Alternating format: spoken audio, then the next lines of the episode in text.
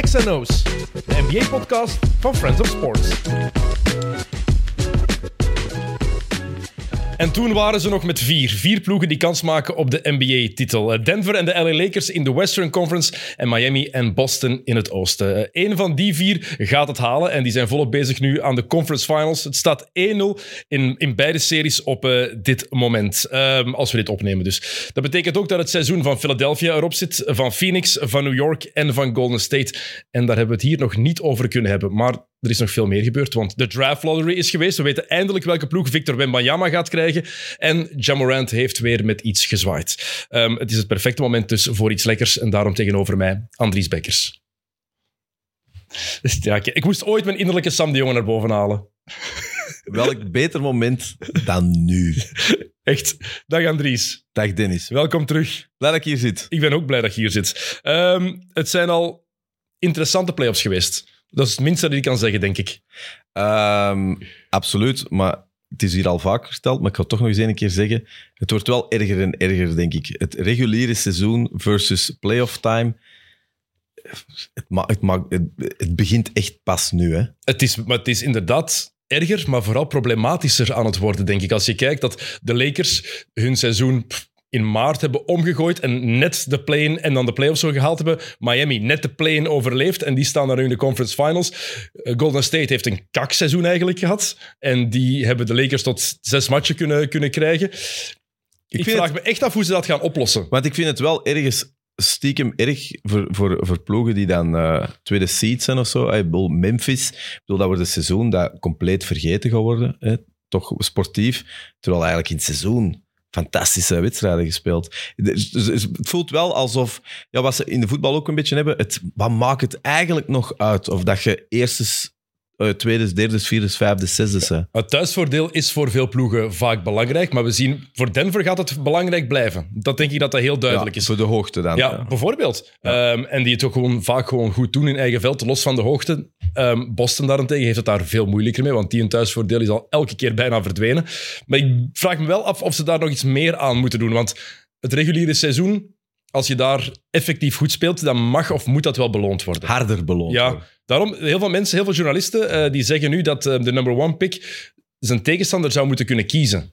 In de eerste ronde. In de eerste ronde, hè. En dat dus de nummers 1, 2 en 3 zouden moeten kunnen kiezen tegen wie ze spelen. Eerst de number one seed, dan mag de number two seed kiezen uit de andere zes ploegen die overschieten, waar ze tegen willen spelen, en dan nog de nummer drie. Er zit, wel iets voor te zeggen, want wat je nu bijvoorbeeld wel gemerkt hebt, dat bijvoorbeeld uh, uh, ja, de Lakers of zo, of, of, of, Golden State, die hadden wel makkelijkere uh, wegen er naartoe. Ik bedoel, als je zegt, er, zijn, er zijn vorige rondes geweest waar eigenlijk al finales bijna gespeeld zijn geweest. Dus dat vind ik ook wel zeker. Sacramento bijvoorbeeld, vind ik ook zo'n ploeg waarvan dat zegt, eigenlijk een heel schoon seizoen gespeeld. Gaan we daar iets van herinneren? Ik denk het wel omdat het zo lang geleden was. Daarom. Ja, oké. Het was geleden van 2006 en ik denk eens... daarom dat het waarde heeft. En maar zit jij er nu nog mee bezig? Ze hebben Golden State wel tot uh, zeven matchen gedwongen en Stephen Curry heeft een van de beste matchen uit zijn leven moeten spelen om van de Kings af te geraken. Hè? Ja, maar gaan we dat herinneren op de Wikipedia? Maar, eerst, maar eerste ronde matchups vergeet je vaak sneller. Zoveel jaar geleden, wat 2015, uh, waren de Spurs titelverdediger en die verliezen het jaar daarna in de eerste ronde van uh, de Clippers. In zeven matchen. Chris Paul speelt daar de game 7 van zijn leven met een geblesseerde hamstring. Het was eigenlijk de Chris Paul-serie. Maar in de ronde daarna liggen de Clippers eruit. Dus dan wordt die eerste ronde-serie ook gewoon wat meer, wat meer vergeten. Je hebt absoluut gelijk, maar het was meer in het kader van moeten we, moeten we goeie, goeie, ploegen die goed spelen in het reguliere seizoen iets meer belonen. Sacramento Kings, dat is geruisloos eruit. Mm. Terwijl dat ik wel dat heel graag gezien heb in het reguliere seizoen. Een ander ding dat ik al gehoord heb is geef de highest seeds in de eerste ronde vijf thuismatchen. Ja, dat is wel een goeie. Maar dat is dan ook weer veel, hè? Ja, maar, twee, maar dan word je effectief wel beloond of net niet beloond als je het reguliere seizoen het laat hangen en pas op het einde denkt, oké, nu gaan we even spieken. Ja, jammer. Je gaat op verplaatsing moeten, moeten afdwingen. Ja. ja, ze gaan wel iets moeten vinden, want ik, ik voel het elk jaar wel... Het, de, je dat ik voel dat ook hier als Schelle bezig zijn. Dat seizoen, dat wordt op den duur babbelen om te babbelen en hopen dat er nog eens iemand iets anders doet, waardoor dat je een onderwerp hebt. Ja, gelukkig is het individuele, individuele talent zo indrukwekkend en zie je mooie dingen, want anders is het inderdaad, je hebt dog days. Ehm, en dan gaat het in-season tournament er ook nog bij komen. Ik ben heel benieuwd wat dat gaat bijdragen of mensen zich daarvoor gaan kunnen opladen. En ik heb het niet alleen voor de spelers, hè. ik heb het ook voor NBA-fans. Ja. Gaan we ons allemaal kunnen opladen om naar dat toernooi in het midden van het seizoen te kijken? Gaat dat interessant genoeg zijn? Denk niet. Ik weet het niet. Achterafklap is, eh, zal alles oplossen. Maar ik had het zelfs al met eh, All-Star Weekend. Is ook al zo. Ja, maar All-Star Weekend is, dat is echt eh, zwaar overroepen geworden. En vroeger Ja. was dat zo fantastisch. Ik vind dat spijtig. Ja, Ik heb het dus- altijd voor All-Star Weekend gehad. Maar ligt dat, ligt, dat dan, ligt dat dan de veranderende tijden? Ik heb er geen idee van. Die mannen doen gewoon hun best niet meer, hè? Die, Ja. die- die Skills Challenge dit jaar, dat was de grootste lachertje ooit. Het dunk contest, we moeten een G-leaguer dankbaar zijn voor het dunk contest. Three-point contest is top. Altijd. Dat is altijd leuk. Maar ik vind dat gewoon jammer dat, dat, soms, eh, dat je er soms star power mist. En dat is leuk als dat dan een onbekende is die, die er dan zichzelf overstijgt. Maar pff, Zoals het vroeger wel was. Want nu in het three-point contest zie je dat wel. Ja. Daar doen de sterren mee. Maar vroeger dunk contest, Dominique Wilkins, Dr. J, Michael Jordan, Sean Kemp, ehm, Vince Carter, oké, maar één jaar. Maar Kobe Bryant, oké, was rookie Kobe. Maar die mannen hebben wel allemaal meegedaan aan dunk contest. En dan nu, LeBron. Hij gaat het nu niet meer doen, logisch. Maar waarom heeft die mensen nooit aan meegedaan? Dat is zo'n gemis. Ik had die daar zo graag aan willen zien ja, meedoen. dat is een, een, een stiekem keigoeie, Maar- fantastische dunks. Maar Zelfs daarom... op zijn 38, soms doet hij nog iets dat je denkt, oké. In, zet die daarin in wat, 2009, 2010, in zijn laatste jaren van zijn eerste periode bij Cleveland. Uh, Blake Griffin is dan over die, eh, over die een motorkap Ja. van die auto gesprongen. Dat was niet over een autodunken. LeBron die springt over een dubbeldekker, bij wijze van spreken. Ja. Hè? Ja, het is waar. Het is absoluut waar. Maar Maar, goed. los daarvan, het is playoff tijd. Het is fantastisch. Hoe is het met uw slaap? Eh, mij is het niet altijd in orde. Eh, Bij mij is het ook niet altijd in Ik, orde. ik word vaak wakker rond twee uur. en ik zit dan ook op mijn gsm te zien, wat nog erger is voor mijn ogen. Dat is heel Dat erg. is verschrikkelijk. Het probleem is, als ik in de zetel blijf zitten, dan gaat dat. Want dan, ik weet niet waarom, dan, dan blijf ik wakker genoeg.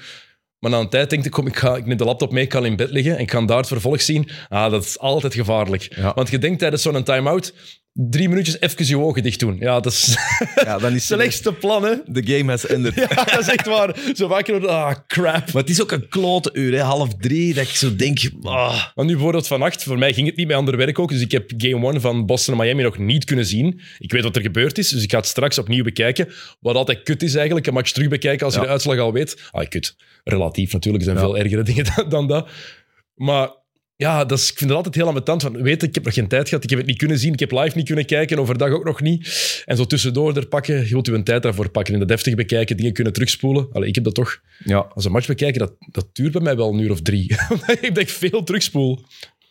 ja, ik durf al wel eens zo... Ik geef wel toe dat ik, zo zeker, dat ik sommige matchen wel zo wel eens van zo begin second quarter zo naar een drie durf. Ja? Dat durf ik wel. Ik ben, ik ben een, eh, een vrijworp doorspoelmens. Ah ja. Vrijworpen, plus 10 seconden, plus 10 seconden, dan, dan skip je altijd een halve minuut. Dus Ja. niet veel, maar alle kleine beetjes die helpen. Als ik niet live kijk. Hè. Ja. Ik vind vrouwenworpen was ik onlangs ook weer... Viel me toch weer op dat er af en toe toch stiekem wat gemist wordt of zo. Er zijn er sommigen die... eh, Echt slecht bezig zijn, zo 0 op 2, zodat ik denk, oh, wow. Aaron Gordon in, eh, in Ja. Game 1 tegen de Lakers, dat was, eh, er zat ook geen boog in die zijn shot. Dat was een rechte lijn, dat past naar de ring. En het is ook niet dat ze er van achter zijn, eh, in zijn gezichtsveld eh, zot aan toen waren. In eigen huis gaat dat heel goed meevallen. Ja. Eh, wat vind je eigenlijk de grootste verrassing tot nu toe? Eh, want we hebben er al een paar gehad. Hè. Miami schakelt eh, Milwaukee uit, de Lakers schakelen de Grizzlies uit.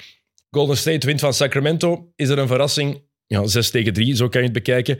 Miami schakelt New York uit en de Warriors verliezen van de Lakers. Ehm, Ook al is die laatste misschien geen echt grote stunt, want zeker als je kijkt naar de laatste twee maanden, heel hard aan elkaar gewacht. ja, ik vond Bucks Heat vond ik wel zottekes. Denk dat, maar daar is ik, daar is ik nu niks zot mee, dat iedereen Nee. wel, eh, wel gedacht of zo. Vooral ook omdat je voelt wel duidelijk, zo bijvoorbeeld Grizzlies, ook de Kings en zo, kun je altijd zeggen, dat zijn jonge teams, Ja. die hebben eigenlijk niet... Die zijn heel goed, maar ze hebben alle twee nog niet echt... Eh, Morant of De'Aaron Fox, ze weten nog niet echt wat het is om een kampioen te zijn. Maar Bucks hadden dat wel. Ja, tuurlijk hadden ze dat. Die hadden Janis. Oké, Janis heeft wel maar 2,5 match gespeeld. Of een twee matchen en een kwart. Belangrijke nuance. Ja, wel waar. Dat is wel waar. Maar toch... Maar toch, inderdaad. Het is toch, toch... Voor de rest, ja...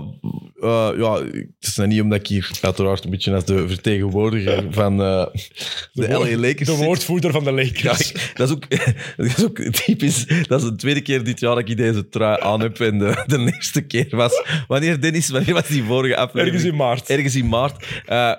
Lakers natuurlijk toch ook wel. Maar dat is een verrassing, vind ik, die al een tijdje bezig is. Dus ik vond het... ja, zeker... Ik, ik vond het bij de Warriors geen verrassing niet meer. Bij de Grizzlies wel. Oké, eh, de Lakers. We gaan er meteen over beginnen, want eh, onze weddenschap van een paar maanden geleden, we hadden hem misschien toch iets duidelijker voor onszelf moeten maken ook, denk ik. We, hebben- we, we hebben iets afgesproken en het was duidelijk, maar het was ook niet goed genoeg, denk ik. Dus we gaan dat, even de termen verduidelijken, hoe, we- hoe we het nu gaan doen. Ja, ik denk het reden, en dat moeten we ook wel koesteren, is dat het een heel spontaan moment was. Dus dat vind ik ook wel tof eraan. Ik sta nog altijd volledig achter mijn oorspronkelijke Maar wacht, idee. we gaan even terugkomen voor de mensen die het de vorige keer niet gezien hebben. Het was iets na een trade. Een belangrijk, belangrijk stukje informatie. Maar ik moet ook zeggen, ik heb het toen ook wel een beetje als een bold statement, omdat ik vind dat dat wat mijn rol is. Dat iedereen zijn rol is dat je in deze stoel zit. Ik bedoel, je moet wat tegen de kennismuur Sayed gooien om af en toe eh u proberen van uw lood, uit uw lood te krijgen. En ik heb toen gezegd, de Lakers gaan dat hier nog winnen. Ja, en ik zei, ik geloof nooit, het belangrijkste argument, dat Anthony Davis of LeBron dat die zo lang fit gaan kunnen blijven in de playoffs. Belangrijk argument. Belangrijk argument is dat je me ook het liggen uitlachen. Hè? Dat heb ook wel gedaan. Tuurlijk. je- want dat vertelde Dat is ook een beetje bij. mijn rol hier, hè? Ja, ja, dat weet ik. je, hebt, je hebt letterlijk gelachen en je hebt, gezegd, je hebt toen gezegd van ja, als ze heel dat spel winnen, dan betaal ik u een etentje in de En Jane. ik sta daar nog altijd voor Maar- de volle 100% Maar je hebt dat op een manier gezegd. Je had even goed kunnen gezegd hebben, dan koop ik u een Ferrari. Want je voelde nu heel zeker. En eerlijk is eerlijk, ik geef dat ook toe en ik, ik ga alles op tafel gooien. Dat was een beetje een bold statement. Ik had het ook niet gedacht. Het enige wat we toen hadden, was dat een trade gebeurd was. En ik denk dat ze toen één match redelijk goed gespeeld hadden. Ik denk dat Russell, D'Angelo Russell, toen niet hopeloos En was. of- AD leek toen heel fit. ja, heel fit te zijn. Ja. En ik weet wel, de dag nadien was hem terug geblesseerd. Ja, dat is juist. dus ik dacht, dit gaat geld kosten. En gelukkig heeft dat niet lang geduurd. Maar wat ik toen wel gedaan heb, gewoon omdat ik, dat ik eigenlijk ook wel... Ik weet niet wat het was, omdat ik dat zo grappig vond dat je dat zei van de Jane. Zei ik, heb ik toen zoiets gezegd van, ja, maar wacht, we zullen het anders doen. Per ronde dat ze doorgaan. En dat was toen nog play-in. Ja, we, toen was het mogelijk dat er twee play-in rondes gingen Ja. zijn voor de Lakers. Het is er maar eentje gebleken. Play-in, eh, dan... En per ronde van de playoffs betaalde jij een deel van de rekening. Ik dacht, ja, dan is het ook wel wat eerlijker, dan is het ook wel wat grappiger en wat spannender. Maar wat we niet hebben afgesproken, Hoe precies de verdeling zat. Ja. Dus we hebben eigenlijk een soort gerechtsdeurwaarder nodig. Van Bakley of zo, die even gaat zeggen wat het moet zijn. Ja, inderdaad. Maar eh, ik moet wel zeggen, ik had nooit gezegd dan koop ik een Ferrari, omdat ik wel realistisch genoeg ben om te denken, LeBron en AD, als die fit zijn, dan kan er van alles gebeuren. Dus Ferrari had ik je nooit gegeven. Een etentje in de Jane, dat is nog iets anders. Ja. Ik ben, ik ben, ik ben, ik ben stom. ik kan heel loemp zijn, maar zo loemp ben ik nu ook niet. Maar, ik, ja, maar geef toe, het was toch wel... Ik, ik moet eerlijk zeggen, want ik heb dat toen echt als een soort statement gesmeten. Geef nou eerlijk toe, Ik had het nooit zien aankomen. Ik, ik, ik zijn de laatste, ik, er zijn dingen waar ik redelijk straf en ik zou zelfs in de verte geniaal kunnen noemen. Maar dit voorspellen, dat had ik echt wel niet. Dat heb ik ook wel wat gedaan voor de fun. Natuurlijk. En ik begin, ineens beginde dat seizoen te zien, denk je, god damn. En ik moet zeggen, Dennis, dat kun je wel raaien. Ik heb heel veel reacties ondertussen En gekregen. terecht. Zo van, Ik moet ook zeggen, in die serie tegen de Grizzlies, ik heb voor de Lakers gesupporterd, hè. ja. Ik wilde, ik wilde betalen. Want was van, ik, nee, no way dat Dylan Brooks en die mannen dat die door mogen naar de volgende ronde. Dat moeten Kom aan, Lakers, wel pak die maar. Ja, ja, pak, pak die maar. Ja. Ik, ik wou niet dat de, dat de Grizzlies doorgingen. Ik wilde dat de Lakers doorgingen. Maar is het dan toch... Want ik weet dat ik het wel... Ik, op een of andere manier is dat gezond ding. Het is, het is, alles moet wel wat kloppen of zo. Maar ja, dat ze zo... Want ze hebben qua... eh, ook hun statistieken eigenlijk, wat de tweede helft van het seizoen betreft, zijn ze denk ik tweede in de, in de, in de West, denk ik. Beste verdediging van de NBA. Ja, ja maar ook in, in, in alles, denk ik. Ze hebben echt tweede of derde, denk Ze ik, hebben qua zich record. fantastisch herpakt. Ja. Echt, eh, Darvin Ham heeft daar trouwens ook dingen gedaan die ik niet had verwacht. En die ploeg speelt ook voor Darvin Ham. Heel mooi om te zien. Ik denk dat daar een bepaalde vertrouwensband is of een bepaalde connectie is tussen de spelers en de coachingstaf die mooi geëvolueerd is doorheen de jaren. Het vertrek van Russell Westbrook gaat hen ook geen, eh, geen kwaad gedaan hebben. Integendeel zelfs. Ik denk dat dat ook wel voor wat frictie heeft gezorgd in de kleedkamer. Tegenovergestelde van wat Westbrook bij de Clippers gedaan heeft. Want daar klikte het duidelijk wel met Tyronn Lue en iedereen daar Bij de Lakers ging dat niet. Wat vreemd is, want we hebben het er net voor de opname zijn we even over snel doorgegaan. Ehm, eigenlijk al hun trades, hè, dus wat eigenlijk de belangrijkste zijn, eh, D'Angelo Russell, Vanderbilt en Malik Beasley. En Ja. Rui Hachimura. Ja. Maar die was ietsje ervoor, maar dat telt nog. Hey, dat is wel Die hoort er zeker bij. hoort er zeker bij. Is eigenlijk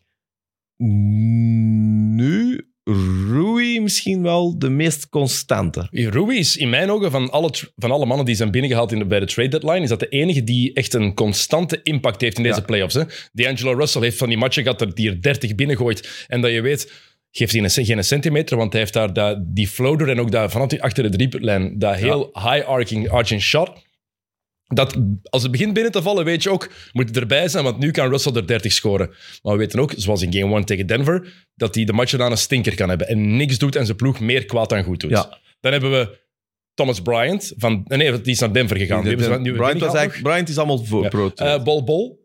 Nee, wat zeg Bol. Eh, Mo Bamba hebben ze Mo binnengehaald. is geblesseerd. Is geblesseerd, maar ook sowieso geen rol van betekenis gespeeld. Malik Beasley komt gewoon niet meer van de bank. Nee, de laatste vijf minuten, als er 20 Ja, voor staan inderdaad. Ehm, en dan, wie vergeet ik? Jared Vanderbilt. Vanderbilt. Ook een beetje verdedigend, een beetje wat Russell is in momenten dat je wel echt elk rebound heeft, maar die is nog niet constant genoeg. En ook het einde van de serie tegen de Warriors. Was ook uit de rotatie Ja. verdwenen. Hè? Ja, ja. Dat was in het begin heel belangrijk op Curry. En dan is Schreuder heeft hij overgenomen op Stephen Curry. Wat hij trouwens fantastisch heeft gedaan.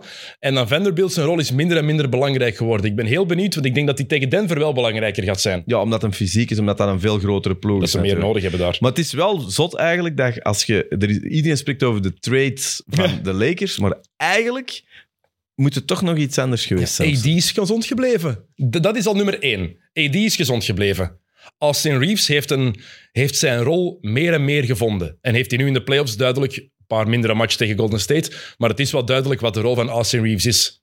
Creator. Voor zichzelf en Heb voor ook mega, heb ik ook eerlijk, moet ik ook toegeven, heb ik ook onnozel over gedaan, Austin Reeves. Maar dat is wel... Is dat, de- is, denk jij, ehm, is Austin Reeves een blijver of weet je gewoon het seizoen van zijn leven?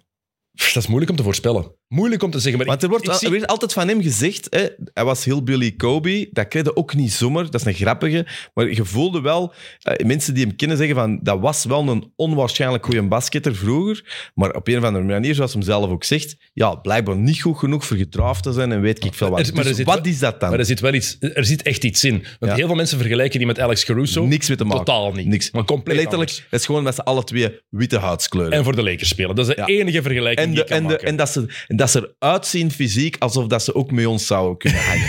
dat is alles.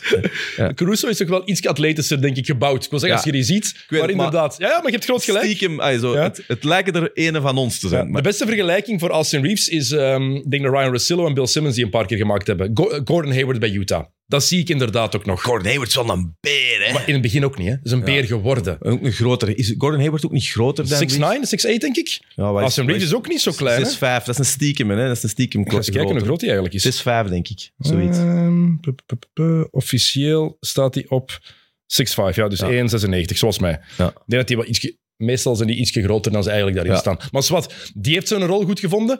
En maar is vooral ook, een, is vooral ook een, een, een fantastisch technische basketter. En, maar ook, Hij, is, hij, is, hij, niet zoveel, hij lijkt niet zoveel stijl te hebben, maar zijn balhandling, Mhm. het is wel echt... eh, en goeie vista. Creëert voor zichzelf en voor de anderen. En vooral, slimme speler.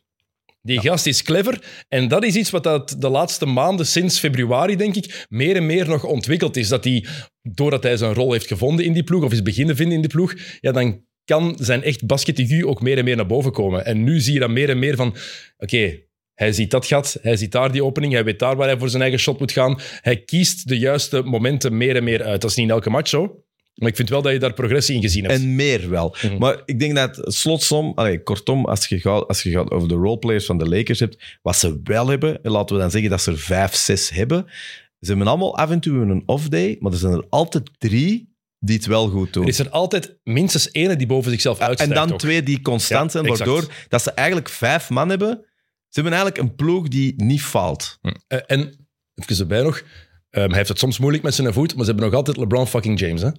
Die dat de. Warriors in game 6 in het derde kwart uit verband heeft Ja. gedacht, bij wijze van spreken. Want op zich heeft hij... Het is niet dat hij 55 punten heeft gescoord en die zo gedomineerd heeft. Nee, op de juiste momenten weten, nu pak ik die inside. Nu weet ik dat we daar naartoe moeten gaan. Die play switchen we nu. zo intelligent gespeeld tegen Golden State. Zonder LeBron was het nooit mogelijk geweest. Hij heeft ervoor gezorgd dat ze in Game 6 doorgeduwd hebben. Want anders in derde kwart tegen de achter. Warriors... Ze stonden achter. Voilà, daarom. Ik vind... Ik ben Dat is, de, maar dat is voorlopig de Lakers-game van, van de Ja, playoffs. maar ik ben gewoon onder de indruk van dingen die LeBron al gedaan heeft. Want je ziet fysiek ook dat hij last heeft van zijn voet met momenten. Ja. Dat is toch altijd indrukwekkend, hè? Maar En- je ziet... En dat hem ook, want eh, was, eh, eh, na de match van, van eer, eh, hè, tegen Denver, Mhm. dat ze verloren hebben, uh, had ze een interview dan met eh, KCP, hè, Kentavious Caldwell Pope, die zei van ja, eh, het is nu wel heel vriendelijk is erover, want je voelt dat ze ook nog allemaal wel bevriend zijn met elkaar. Ja. Zegt wel, ja, de bubble Lakers van 2020, wij waren wel beter. En toen had ik wel zoiets, dat weet ik niet. Eh, Ik, ik, ik snap dat jij dat zegt, want jij was toen een van de roleplayers, maar ik vind niet dat Kyle Kuzma, KCP, eh, Caruso, dat die zoveel beter zijn dan degene die het nu er aan doen zijn. Maar wat ik wel vind, LeBron James was in 2020 wel beter Ja, dan... dat is een belangrijk argument. ja, ja maar, dat is, maar dat is niet wat KCP Nee. wilde zeggen. Ik weet, ook ik weet wel niet... Als ik die twee ploegen tegen elkaar zou zetten, weet ik niet wie ik zou moeten kiezen. Het zal geen gigantisch verschil zijn. Ik Hè? denk, ik denk eigenlijk dat die ploeg wel... Ha, moeilijk. Dwight Howard was daar ook nog bij. zeg. Nee, niet Dwight Howard. Dwight, dingen. jawel, ja. dingen. Allee, hem. Ook. De Spanjaard. Allee, de broer van de Pauw. Nee, was het jaar daarna, Margasol. Was het jaar na de titel is Gasol erbij gekomen. Hij heeft hij niet meegedaan. Ik denk, het, niet- ik denk Ja. niet dat hij erbij was. Ik ga het dubbel checken, maar volgens mij was Margasol... en dingen, Rondo. Rondo was daarbij inderdaad. Rondo en playoff Rondo is een goede En Rondo. Caruso als roleplayer ook nog. Ja.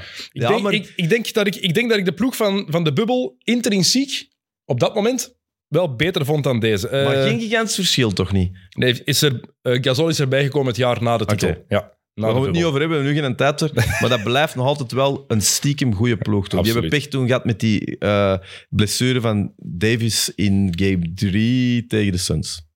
Maar goed, dat is, eh, Ja. dat is gedaan. Dat is duidelijk. In- in Eh, die- dus de, voor, waar we over begonnen waren, de, de, de voorwaarden voor de weddenschap. Nu, we hebben het daarnet nog eens duidelijk met twee besproken voor de opname, zodat we duidelijk weten. Ehm, Wie betaalt wat? Wanneer er ja, voilà. Nog altijd, dat is de, de, de baseline, blijf ik bij. Dus mijn, het oorspronkelijke idee, Lakers kampioen, ik betaal alles. En ik kan me niet schelen wat jij zegt, dan, dan, dan, Ja, ja. dan ga ik wel achter uw rug betalen, maar dat is de afspraak. Oké, goed. Eh, moet een beetje fair blijven. Dat was mijn eigen idee. Ik- Dat zou wel echt ik vind ook wel, super ik vind ook wel dat ik ook wel een beetje al een morele winnaar ben. Hè? Maar by far. Eh, mag je dat zeggen? maar Toch wel, zeker dat. Ehm, ik vind alles tot aan de conference final, daar hebben we overeengekomen, Ja. is een derde van de rekening. Ja, dat is goed. Dus nu zit ik aan een derde. Derde. Hè? Dat kunnen zeggen, dat kunnen we, er zullen misschien mensen zeggen, ja, maar ja, dat is toch al veel dat ze moeten doen. Maar eerlijk, het, moet ook, het klopt toch niet anders helemaal. Als ze de Nuggets pakken, wat echt zot is, ik denk wel als ze de Nuggets pakken, dan, Komt er een derde bij. dan, dan komt er een derde bij. Dan gaan we nog twee derde. Maar de Nuggets nu pakken is evenveel waard dan al de rest, Ja. vind ik. Akkoord. En als ze eh, Miami... Nee, het zal niet Miami... Ja, misschien is het wel... Ma- We zullen zien wie dat wordt. De finale doen, dan is het volledig. Mm. Maar het is ook niet... Ja, helemaal mee eens. Voilà. Dus de voorwaarden zijn duidelijk. Dus je zit nu eigenlijk al een derde... Ja. Ja. Terecht. Ik, ik zou niet anders willen. Ik zou het echt niet anders willen. Ehm, en een aperitief en zo hoort daar ook bij. Hè? De ja, plus, de- plus alles daarvoor. Hè? Voilà, duidelijk. Cool. Ehm, want er wordt vaak mee gelachen van... Oh, oh, hadden niet zien aankomen. Hè? Nee, inderdaad. Maar jullie allemaal ook niet. Niemand. Zelfs de grootste Lakers-fans, die gaan dat gehoopt hebben. En gedacht hebben, want LeBron en AD. Maar zelfs de grootste Lakers-fans durfden niet vertrouwen in de fitheid van Anthony Davis. En ook niet van LeBron. Want als we teruggaan doorheen de laatste jaren, is er elk jaar wel een freak injury gekomen. En ook wat we dan gezien hebben sinds wij hebben opgenomen, ook sinds maart en sinds die ploeg. Want het was niet vanaf dag één, hè, maar de evolutie die hij doorgemaakt heeft. Ja, enkel idioten stellen hun mening nooit bij als er dingen duidelijk veranderen. Hè. Ja, dat is, er zijn dingen geëvolueerd. is- die een spel dat is... indrukwekkender geworden. Niet altijd, want ik denk nog altijd dat er heel wat punten zijn waar ze beter in kunnen zijn. Maar als Anthony Davis speelt zoals hij moet spelen, game 1 tegen Denver. Ze staan er 21 punten achter. En ze komen terug en ze maken er... Want ik heb nooit het gevoel gehad dat de Lakers daar uitgespeeld waren. No- Ik heb altijd gedacht, er, er hangt iets in de lucht waardoor de Lakers gaan kunnen- blijven aanklampen. Maar ze, hadden wel, dat hebben ze op voorhand gezegd, zowel Davis als LeBron, als we niet direct goed beginnen, dan hebben we er 20 aan ons pan. En ze zijn wel veel te traag begonnen. ja, maar Kun je niet tegen Denver dan nog goed maar wat, wat is de reden dat ze dan nog ergens zijn blijven aanklampen? Zelfs als er 20 achter stonden, wisten ze: oké, Anthony Davis gaat vandaag alles binnengooien. Dat Zwaar. helpt. En dan kan je verder evolueren in die match met de rest van de ploeg. Want je hebt er ene die het probeert, tenminste, om te blijven staan. Maar ik denk gewoon, om, en dan het wetenschapgedeelte, je moet dat ook een beetje zo zien, Dennis. Ga ze een van de meest geliefde mensen op aarde. Pas op. Ja, maar ik heb het over in de media. Ik heb het niet over dat persoonlijk leven. Ik bedoel, ga ze een, een, een encyclopedie van een basketbal. Everybody loves you. Maar af en toe is dat ook gewoon eens leuk dat de grote Dennis Sayed iets zegt dat. dat. niet helemaal waar is. En ik vind dat echt ergens erg dat uitgerekend ik degene ben die dat, dat een beetje moet, moet Of- stoken. Maar dat moet je een beetje aankunnen. Maar vooral mensen... Soms zeg je, wacht, maar, oh, oh, Ja. ga ze een hoge boom, een, een hoge kennisboom. Ja, en je krijgt nu even. Hm. Ga ze human. Ga ze menselijk. Me- meer dan. Maar vooral het ergernis is, ik, wil dat, ik vind dat zelf ook tof, hè. En Ja, maar is dat dan moet je nou niet zeggen. Je, ja, moet, je, moet, wel. je Dat... moet nou even meespelen. Oké, ja. ik Je ben wordt heel- fout. Oh, maar dat is absoluut. Dennis, ik was zeg volledig... het, maar zeg het nou gewoon één keer. Ik was volledig fout. Ik had het niet zien aankomen. Ik ben een sukkel. Ik weet van geen kloten. Er is nu een foto getrokken van het moment dat jij het toegegeven hebt. Het is belangrijk dat je die foto, dat je die een JPEG-nummer opschrijft. Want dat is de foto waarop dat Dennis Sayed het toegegeven dat het fout was. Maar ja, ik heb dat nooit ontkend. Was wat goed. Hoe komt dat jij dat nou niet wist? Ja, kijk, ik, ben, ik weet van niks. Ik ga, ik, ga voor, ik ga een andere sport beginnen volgen. Het is tijd voor badminton. Korf, korfbal dan toch. Ik heb het over sport, hè. Eh, los, Maar- daar, los daarvan, eh, wat was het probleem eigenlijk eh, van Brooks? Dat, vind ik, dat wil ik nou eens weten. Van Dylan Brooks. Dylan Brooks tegen de, de mensen die gevolgd hebben, Memphis Grizzlies, Ja. eigenlijk een hele toffe serie. Eigenlijk, hè? Eh, Op zich eh, niks over te zeggen. Toffe basket, al was leuk. Brooks, dat ik eigenlijk wel leuk vind dat dat die dat, die dat doet. Hè? Een beetje stoken. Dat is een beetje, hè? Ze wou ze willen toch een beetje de pistons van in de, hè? Zo wat de, de klootzakken zijn. Dat lukt compleet niet. Die wordt, want die wordt eigenlijk toch een beetje opgeofferd om LeBron Ja, hij offert zichzelf op, hè. ja, maar nu, nu dat allemaal fout gelopen is, hé, hij is serieus, hij is afgegaan. Hè, ik bedoel, hij, is, hij komt er als de loser uit. Eh, Zijn contract wordt zelfs niet meer verlengd. Ja. Ik vind dat wel echt mega ondankbaar. Want stel dat dat wel had gelukt geweest, dan had hem de grote held Ja, geweest. ja, maar ja, wat, als, als, mijn, allee, als mijn tante wielen had, was een camion. Dat, is, dat heeft, dat heeft geen, nee, maar het heeft geen nut, omdat je het Maar hebben ze, die, hebben ze die gevraagd voor ambetant te doen of niet? Dat zeker weet. Anders zouden, ze anders zouden ze hem bijgehouden hebben. Als het effectief een instructie was van de club uit of van de coachingstaf of overlegd met de spelersgroep, no way dat ze hem dan zo zouden laten vallen. Dan zouden, denk ik, de rest van de ploeg ook wel zich hebben laten horen en hem zijn beginnen steunen. Al is op social media, niemand heeft iets gezegd van die ploeg over Dylan Brooks. En het is een ploeg die graag op social media zit. Maar dat is een carrière-eindiger, Ik denk wel dat er ook een ploeg is dat die gaat kunnen gebruiken en gaat willen gebruiken. Want hoe goed is hij eigenlijk, Dylan Brooks? Ja, goed, dat is een, de- een degelijke roleplayer. Maar het probleem is, hij denkt dat hij beter is dan hij zelf is. Hij denkt zelf dat hij beter is dan effectief de realiteit is. En dat is een probleem. En je moet ook weten wie je kan poken. Hè? Je moet ook weten tegen wie je kan beginnen praten. En wie het is.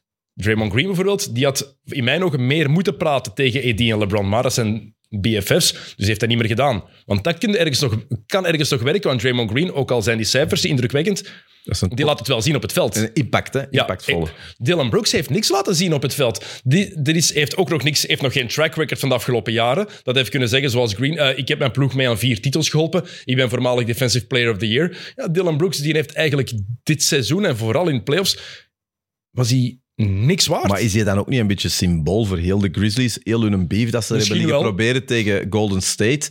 Ja, dat was ook letterlijk wat Draymond Green altijd ook altijd zei van ja, wij hebben geen beef. Mm. Gelle maakt dat ervan. Gelle zegt gewoon aan betaald. Gelle zegt vervelend, maar wij hebben niks om met elkaar te vergelijken. Er zijn geen bragging rights, want Gelle heeft niks. De, de Grizzlies zijn zo die mug die dat s'nachts zo te veel blijft rondzoomen, maar dat je dan een tijd beu bent, dat je die eindelijk hebt hem.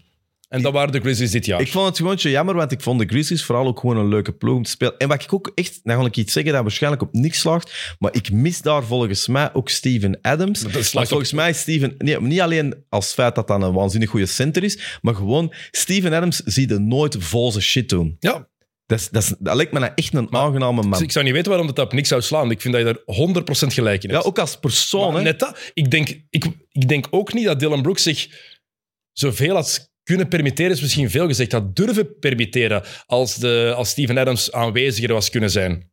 Denk ik, hè? Maar ik, denk, ik ben het daar helemaal mee eens. Op het veld, maar ook ernaast. En het is nog altijd anders in, in straatkleren op de bank zitten. Het is nog altijd een andere impact Ja, ja. dan effectief mee in die spelersgroep zitten en ook mee op het veld staan, zeker als je al maanden geblesseerd bent. Dus het dat sowieso. En ik had het sportief ook graag gezien. Ja. Steven, Steven Adams vind ik wel ook geen onbelangrijke factor. Dat is een heel belangrijke factor zelf. Ja. Dat is echt eh, helemaal, mee- helemaal mee eens. Eh, maar ja, de Grizzlies, ja, kijk, het is... het is...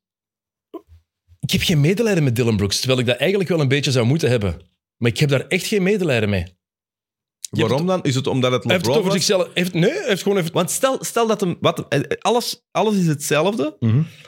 Maar hij slaagt in zijn opzet en LeBron maakt 14 punten of krijgt een vijfde fout of weet ik veel wat. En, Ja, maar ja, tuurlijk Heeft verandert impact. alles, hè. Tuurlijk verandert dat alles. Dat is ook logisch, hè. maar vind jij dat... Ge- Vind jij de tactiek van... Want dat is eigenlijk is dat een stoorzender. Hè? Dat is een, me- een, een mentale warfare dat hem doet. Is dat, iets, is dat anno 2023 nog iets dat jij wilt zien? Ja, ik wil dat zeker zien. Maar wat ik dan ook wil zien, is dat je niet een, geen pussy bent en na je verloren match direct naar huis gaat en niet met de pers praat. Als je ervoor een groot bakjes kunt hebben, moet je achteraf ook een groot bakjes hebben. Own it. Je moet niet, eh, niet zo'n niet zo'n vodje zijn dat dan gewoon wegglipt en niks durft zeggen. En je, tuurlijk mag je trash talken en je mag, je mag de, de eikel proberen uithangen. Draymond Green doet al jaren niet anders. Doet al jaren niet anders. Maar hij owns it. En hij geeft ook toe als hij faalt. Hij geeft toe als hij mislukt is. Op zijn eigen manier. Maar hij komt er wel, hij komt er wel vooruit.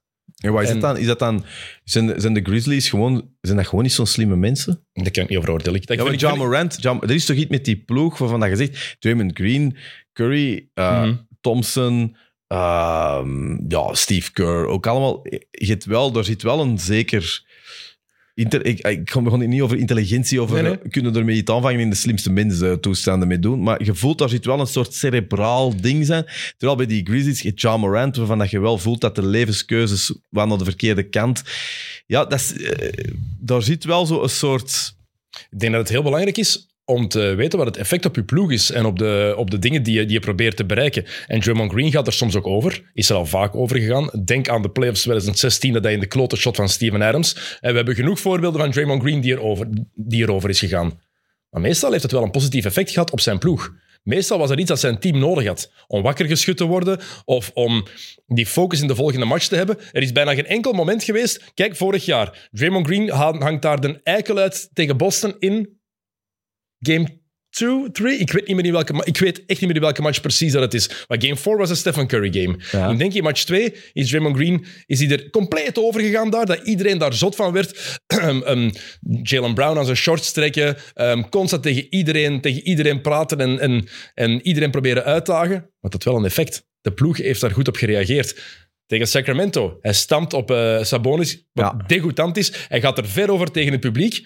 Maar zijn ploeg reageert daarna wel goed. Op, bepa- op een bepaalde manier triggert dat zijn team. En ze hebben nu ook die ervaring, denk ik, dat track record door in de jaren, dat ze weten hoe zij erop reageren.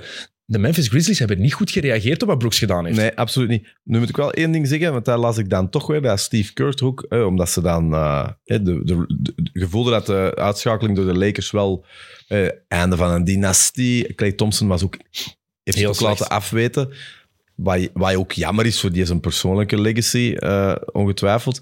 Maar hij zegt ook van ja, eh, het green pool gegeven, heeft ons toch gekost en zo kun je geen kampioen worden. Dat is wat Steve Kerr dat vind ik nog iets anders dan wat we het zo meteen nog even over hebben. Ik kan het over de Warriors hebben, maar ik vind wat, eh, wat daar gebeurd is, staat los van wat Dylan Brooks heeft proberen doen en wat Green op die andere momenten doet. Want dat is effectief tegen een ander team en zo proberen een ander team te vind, manipuleren. Ik vind dat straf op het niveau van NBA, waar dat toch alles geregeld is. En ik geloof u, hè, maar ik, ik, ik, ik had toch het gevoel... Ik vind dat vreemd dat je dan dat eigenlijk op eigen houtje doet.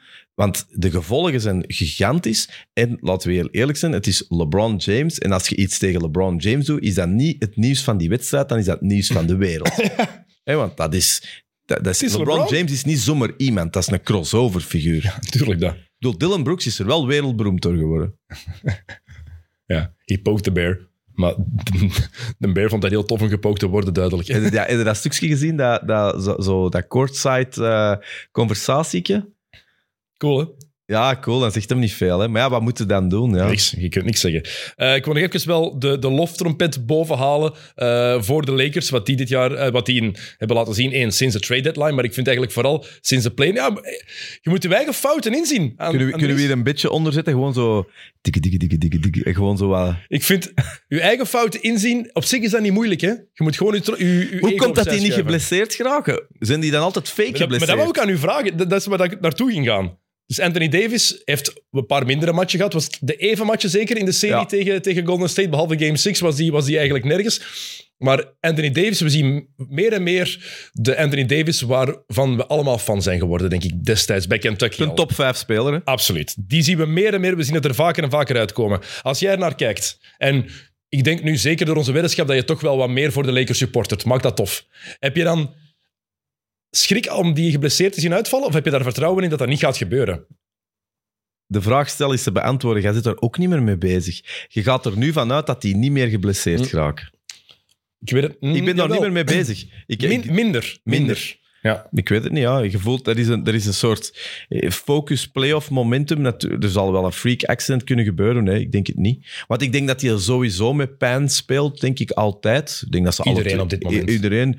Ja. Uh, ik vind ook dat Butler al serieus nu in het rood ontgaan is. Weet je nog, toen in een bubbel. Ja, met zijn enkel. Met zijn enkel. Ik bedoel, je weet, je gaat...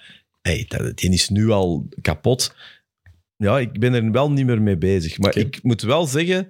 Um, ja, niet tegen Denver. Hè. Dat is onmogelijk. Om, dan moeten ze echt op hun volledige kracht zijn. Maar ik weet wel, er is een wedstrijd geweest in het seizoen dat AD er nog even niet bij was. Die roleplayers of zo, die zijn wel niet te onderschatten. Daarom dat ik vind dat die...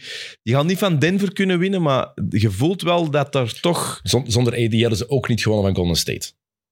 No way. Zonder, nee. En ook niet van Memphis, met alle respect. Dat is, dat is ook logisch, hè? Nee. Dat, is, maar, dat is ook de, de normaalste zaak van de wereld. Maar ze hebben ook geen vervanger niet meer voor hem. Okay, maar Anthony Davis, het is, je, je maar, ze hebben, geen, maar ze, hebben, ze hebben ook niemand niet meer. Ze hebben ook geen deftige. Oké, okay, Davis, want Davis, wat is dat? Is dat een vijf? Dat is, een dat is toch een center? Of wat is dat een vijf, ja. Maar, maar hebben, ze, hebben ze, ze hebben geen deftige backup vijf, toch niet? Wie hebben ze daar nog? Niemand die ze kunnen gebruiken, die ze willen gebruiken. Wie kunnen ze... Is Damian, nee, Damian Jones is niet terug. Wie is dat, wie, wie is dat nou Jared Vanderbilt kan je daar zetten. Maar dat is toch geen center? Mobamba, hè? Ja, maar die is er niet. ja, nee, maar die hebben wordt, dat, wordt dat de Kendrick Nunn van uh, dit seizoen? nee. Nee, want ik weet niet wat Mobamba eigenlijk is. Ah, Tristan Thompson hebben ze natuurlijk. Ah ja, maar ja, is dat, die niet, is, is, dat niet een, noemt hem? Allee, die andere. Zo, is dat niet de locker room... Uh, het is, de locker room feest. De, de backup 5 is Rui Hachimura. Dat is een backup 5. Als ze small ball spelen, LeBron op de 4. Maar dat kunnen ze met, tegen, Den Want nog tegen Denver kunnen ze geen small ball spelen. Mm, pas op. Rui heeft het goed gedaan te, uh, op het einde ja, van game 1. In combinatie met AD. Hè. AD ja. die meer begon te roamen in defense. Hachimura op Jokic. Jokic heeft niet gescoord tegen, tegen Hachimura. Nu, de aanpassingen gaan wel komen. Komen erachter in game 2. Maar ik denk dat het heel slim is om dan small ball te gaan. En Hachimura is ook groter dan je denkt. Ja, ja, dat is een valse kleine. Dat, dat is een beest. Hè? Wat is dat, 2,6 of zo? Groter, ik denk 6 voor 10 dat hij is ja. met schoenen aan. Ik vind, dat wel, ik vind dat wel een mooi verhaal, Rui. Dus gewoon, ja. allee, ik vind ook een, een, precies een aangename gast of zo. Mooi een basket er ook eigenlijk. Ja, ja, is gewoon ja. Wie, wie, had er ook gedacht toen hij bij de Wizards zat dat hij dit nog ging laten zien? Ja, ja, want bij de Wizards was hij ook niet de grote man. Hè? Totaal niet, totaal niet. Uh, nee, uh, maar over big men gesproken, ja, Jokic, hè. Het is wel, ik, heb wel, ik kan wel moeilijk tegen Jokic supporten. Dat snap ik. Maar ik denk wel, Anthony Davis gaat Jokic serieus doen werken. En dat vond ik het straffen aan game one. Dus AD heeft die stats. Op een gegeven moment was het ja 31 punten. En dan zo... Maar dat waren de stilste 31 punten ooit, gewoon omdat Jokic die zo aan het overklassen was. Nikola Jokic in de drie, eerste drie quarters van game one was op aanvallend vlak pure perfectie. Dat was de perfecte match dat hij aan het spelen was. Maak je wel in de zetel? 30-point triple-double, die was zo ongelooflijk goed. En het maakte niet uit wat je daar tegen deed. Het maakte niet uit wat je daar... Want... Maar, maar het maakt al 14 wedstrijden niet uit wat je er tegen doet. Het maakt eigenlijk al drie jaar, tweeënhalf jaar niet uit. Drie ik, jaar. Maar ik u in de, in de perfecte... Uh, uh, hoe zeg je dat? Perfecte hate and beat rant rollercoaster zetten. Dat... Gaan we daar al naartoe? Ja, Gaan we dan naartoe? Als je Jokic zegt, Jokic is toch de MVP? Ja, ik wil nog twee dingen snel zeggen over de Lakers. Want we gaan de Lakers afronden. Ja. Dus ik wil nog twee dingen over de Lakers. Eén, um, Ik heb graag witte wijn. Ik ging voor, ik ging voor de aangepaste wijn Oké, oké, aangepaste wijn. Eh Negroniken op voorhand? ik, ik mag graag een Negroni. Ehm, LeBron. Ik, Ik moet trouwens, ik, we gaan sowieso ook bellen op Jane in deze af. We doen een reservatie sowieso op het einde. Hè. Dat is ehm. LeBron, ik zei het daarnet, hij wist perfect op welk moment en hoe hij de Warriors moest doosknijpen. Dat hebben we gezien in, eh, in Ja. Game 6. Ehm, hij bepaalt zoveel op het veld. En ik heb het gevoel dat zijn basket-EQ nu nog meer tot uiting komt. Wat al jaren zeggen, al, jaar, al tien jaar zeggen. Een van de slimste basketters aller tijden, misschien wel de slimste ooit. Ehm, wat ik zo cool vind is dat die mens zichzelf op het veld zet. Dus die gaan naar de bank. Moet er, let daar eens op. Kijk naar de match. het is, het is niet Darvin Ham die zegt, LeBron, nee, nee. LeBron die gaat zelf, die kiest zelf wanneer hij op het veld komt en eraf gaat. Dat is fantastisch. Dat is heel goed om te zien. En ook gewoon de cijfers. 12e conference finals. Die is 10 en 1. En de enige die hij verloren heeft was in 2009 tegen, tegen Orlando. En toen was het gewoon omdat niemand van zijn ploegmaat is komen opdagen. LeBron, in die conference finals was die onwaarschijnlijk goed. Omdat ze met die game winner in game 2 eh, in Cleveland en dan verliezen ze in 6 van, eh, van Orlando. Maar dat is, die cijfers vind ik, vind ik Mikey, Mikey, onwaarschijnlijk. Nog even, even gewoon, voor alle duidelijkheid, voelen dat we hier toch met een echte Dennis Sayed bezig zijn. Eh, je bent op, je bent op zo'n lyrische manier aan het vertellen dat ik bijna een gevoel krijg dat hem in het GOAT-debat met Jordan... Oh nee, dat zat, er- dat, dat- maar dat, gaan we, dat is, één, dat is ook, dat is ook, nut- dat is ook Ah, we nutteloos op hebben dit hem moment. terug. We hebben hem terug. Maar dat- kom, dat staat toch los als van... hem de vijfde wint. Als hem wint. Maar daar gaan, we, daar gaan we het pas over hebben als het zo zou zijn. Ik ga, ik ga niet vooruit nu... Er zijn te veel leukere dingen om te bespreken nu. Want er zijn... en Dat, dat is ook een genuanceerd Is hem eigen debat. het amuseren, LeBron? Dat- Is, is een seizoen... Nog iets. Is het seizoen van de Lakers gelukt? Al gelukt? Ik vind... Ja, ja, absoluut. Eigenlijk wel. Moreel? Ik vind van wel. Ja. Zeker als je begint... die groep Als je begint met twee overwinningen uit, twaalf, uit de eerste twaalf matchen en je komt in de conference finals, dan kan je niet anders zeggen dat het je seizoen geslaagd is. Maar ze gaan, gaan ze deze groep kunnen houden? Dat is het probleem, dat is de vraag. Want ehm Reeves, Reeves, Reeves is een probleem, hè? Reeves, ze kunnen hem eh, 50. amper 50 miljoen voor vier jaar aanbieden. Vind jij dat voor hem nu te weinig? Hoe dat het, het- de contracten nu geëvolueerd zijn in de NBA, ik baseer me daarop. Hè. Wat is die gast nu waard? Zeker 20 per jaar. Hij was wel heel duidelijk, want dat vond ik ook wel... Is die meer waard dan Jordan Poole? Ja, nu wel. Ah, ik, En, ja, en Poole is 128, hè. Maar ik vond Reeves wel, eh bij hem een tijdje geleden, denk je, dat interview was wel, vond ik wel cool. Want dat is eigenlijk wel een, een, een, een, een fijne sportgast of zo. maar- Mhm. Hij zei van, ja, heb je dat gelezen, dat interview? Dat hem zei van, ja, ik heb... Hij zegt van, ik, mensen die beweren dat wij hier niet voor het geld zitten liegen. Ja, ja. En hij zegt, ik heb nooit het geluk gehad. Hij zegt, ik was gewoon niet getalenteerd genoeg om via de grote poort binnen te komen. Dus ja, als ik het nu niet doe, heb ik geen geld. Hij heeft groot gelijk. Ik hou van de Lakers, alles wat je wilt, maar ik moet om mijn eigen denken. En ik vond, ja, maar ik hou van dat soort verfrissend Ja. gegeven. Ik Gewoon eerlijk altijd. zijn. Absoluut, ik ben het er helemaal mee eens. Dan Hurter dat ook, hè? Kevin Hurter, zo van die gasten die gewoon zeggen, gewoon even zeggen, hé hey, mannen, dat is waanzin, hè, dat geld. Ja. En Jordan Poole had vorig jaar het tegenovergesteld doordat ze de titel wonnen. We're gonna get paid, we're gonna get the bag. Maar objectief gezien ook, elke ploeg, als je moet kiezen, Golden State of Lakers, wie willen jullie liever in dat- je team? Jordan Poole of ehm, Austin Reeves? Iedereen zegt Austin Reeves. En heeft hij zelf helemaal, dat is zoiets de gast, die American Dream, hè, het helemaal zelf afdwingen, die gast heeft dat nu eens helemaal zelf afgedwongen. Zijn gunfactor is in ieder geval niet klein. En terecht. En, En, terecht. en, hij, ook, en hij doet het ook. Want hè. hij speelt zelf goed, maar hij doet ook alles wat zijn ploeg nodig heeft. Ja. Hij past zich perfect aan. Dat vind ik heel indrukwekkend. Ehm nog één dingetje over het hele LeBron of GOAT dingen gegeven. Nee, maar ik vind dat wel. Begonnen. Nee, ik vind dat gewoon heel belangrijk. Dat is toch niet omdat ik vind dat Jordan de beste is, dat ik niet van Magic kan houden of van LeBron kan houden. Ik vind dat zo. Ik wou gewoon af en toe even voelen. Ja, maar dat, ik- ik, wou gewoon, ik vond dat je soft antwoorden wordt. Maar, ik, ik maar dacht, so- ik vind dat gewoon heel jammer dat dat blijkbaar, omdat je van de ene, dat je vindt van ja, dat vind ik de beste ooit. Hè. Dat kun je niet, vinden, dat kun je niet van de andere houden. Dat, gast, er zijn hoeveel? Er zijn 5000 NBA-spelers aller tijden geweest. Er zijn er wel meer dat ik van. Ik, Rashid Wallace is een van mijn lievelingsspelers aller tijden. Staat die in mijn top 100? Maar nee. Maar stel dat nu eh, Golden State gewonnen had. Ja. Van de Lakers. Ja. Had geen verschil gemaakt. Nog altijd was LeBron. Nee, nee, maar ik, en Steph Curry wint. Want Steph Curry vind ik wel een, een, een kerel die nou Ja. soms zo wat vergeten wordt in dat debat. Maar voor mij. één, want wie zei het? Ehm, Stephen A. Smith had dan gezegd van ja, dan, eh, dan kan die wel eens over LeBron springen. Nee.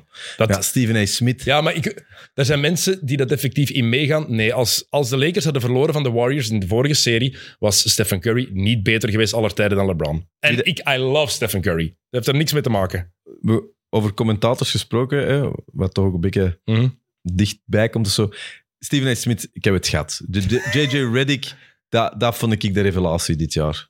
Ah, wel, ik wil weet je, J.J. Reddick, Steven A. Smith, Kendrick Perkins, dan zie je gewoon echt een gast die na echt gewoon met de vingers in de neus door rust gewoon alles Het oont. is een naar huis praat. Naar huis praat. Zonder dat hem lame moet doen, zonder dat hem moet roepen, zonder dat hem weet... Maar die ook wel kan zeveren. Dat vind ik tof. Die kan rant Die gaan. podcast is tof. Maar die podcast is altijd leuk. De Old Man en de... En de Three. Beste naam.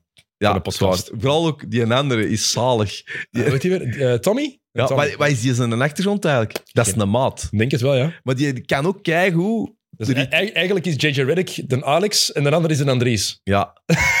ja, ja, een beetje wel, ja. Ja, dat is goed, hè. De bekendste naam, Ja. daar, daar, daar, daar, daar Ja, die gast is ook kei leuk. Die is zo... Die, die- dat, die- dat is een goede vibe. Uh-huh. Ehm, laatst had ik over de Lakers het opgeschreven. Ah, twee dingen. Eén, een ploeg van LeBron heeft nooit geflopt volgens hemzelf. Yeah, right. Eh, maar twee, iedereen die Maar het dit... was gewoon vol dat dat op Ja, dat moment was gezegd werd. nutteloos om te zeggen. Vooral Keur moet dat niet zeggen. Ze- Zo- alsof, de, alsof, de Warriors nooit floppen. Kom. hallo. Hallo, Draymond Green zit daar. Ja. En Jordan Poole. En Curry... Curry is nog. Ja, maar dat ook... Curry echt nog. Jordan, Jordan Poole, dat is een flopper. Zwat. Ehm, iedereen die dit seizoen ehm, op het roster van de Lakers heeft gestaan, krijgt sowieso een ring als ze de titel pakken. Dus ook Patrick Beverly en Russell Westbrook. Vind je dat terecht of niet? Ja. Dus spelers die hun ploeg mee de dieperik in hebben gereden, moeten dan maar ja. beloond worden. Maar moet dan, moet dan eh, Pippen Jr. moet die niet krijgen? Ja, die, zit er, ja, die zit daar Ja, tenminste maar nog wat altijd. doet hij daar? Misschien dat hij heel goed water kan gaan halen. Thomas Bryant moet toch zeker een krijgen? Die scho- die, hey, Thomas Bryant was wel degene die naar tien leven heeft gehouden. Die heeft gewoon wedstrijden gespeeld. Mm. Sorry, Thomas Bryant. En eerlijk, dat is nu echt totaal niet meer nodig. Maar ik vond altijd dat Westbrook alle zonden van Israël over zijn kop heeft gekregen. Het was niet alleen Westbrook. Hè? Het was niet alleen Westbrook, maar hij was wel een van de grote redenen op het veld ook. Dat zien we nu. Ik vind dat belachelijk. Sorry. Als je, zeker als je al zo lang weg bent. Als je gekut bent in april, of de ploeg heeft u op het einde gezegd, we hebben u toch niet meer nodig, dat is iets anders dan getrade worden. En vooral als je dan bent weggetrade en toen is de ploeg beter beginnen spelen. Ik zou niet weten waarom dat die dan een ring moeten krijgen. Ik vind dat Ja, gewoon omdat je toch die bent van... Je zit toch voor altijd een Niet Lakers? meer? Ja, maar, Maar nee, je zit toch voor altijd een Lakers, Kom, toch ik, ook? vind, ik vind dat onnozel. Je hebt het seizoen niet uit... Je, je bent naar een andere ploeg gegaan in het midden van het seizoen. Ja, maar daar hebben die mannen toch niks aan te zeggen? Maar je, je hebt de playoffs niet meegemaakt bij je ploeg. Je hebt die titels. Ja, maar dan, nu zeg je letterlijk, dan heeft het reguliere seizoen ook geen zin dan. Jawel, maar die, hebben letterlijk, die zijn weggegaan in het midden van het reguliere seizoen. Kun je En toen gaan naar beweren dat Thomas Bryant geen, ring, geen recht heeft op die ring? Ja, absoluut. Die heeft Die geen recht dat was een van de weinige hoogte. Was, was een, als, de, dat was, als, als de Lakers niet ge- ge- geworden zijn wat Ja. ze nu zijn in dat tweede gedeelte, dat een van de Cinderella stories geweest van, van dat seizoen. Hij is weggegaan omdat hij vond dat hij te weinig speelde. Dat hij te weinig impact had. Vond hij zelf, vond hij zelf hè? Ja, maar die is niet... Die, die, die, En nu speelt hij nog minder.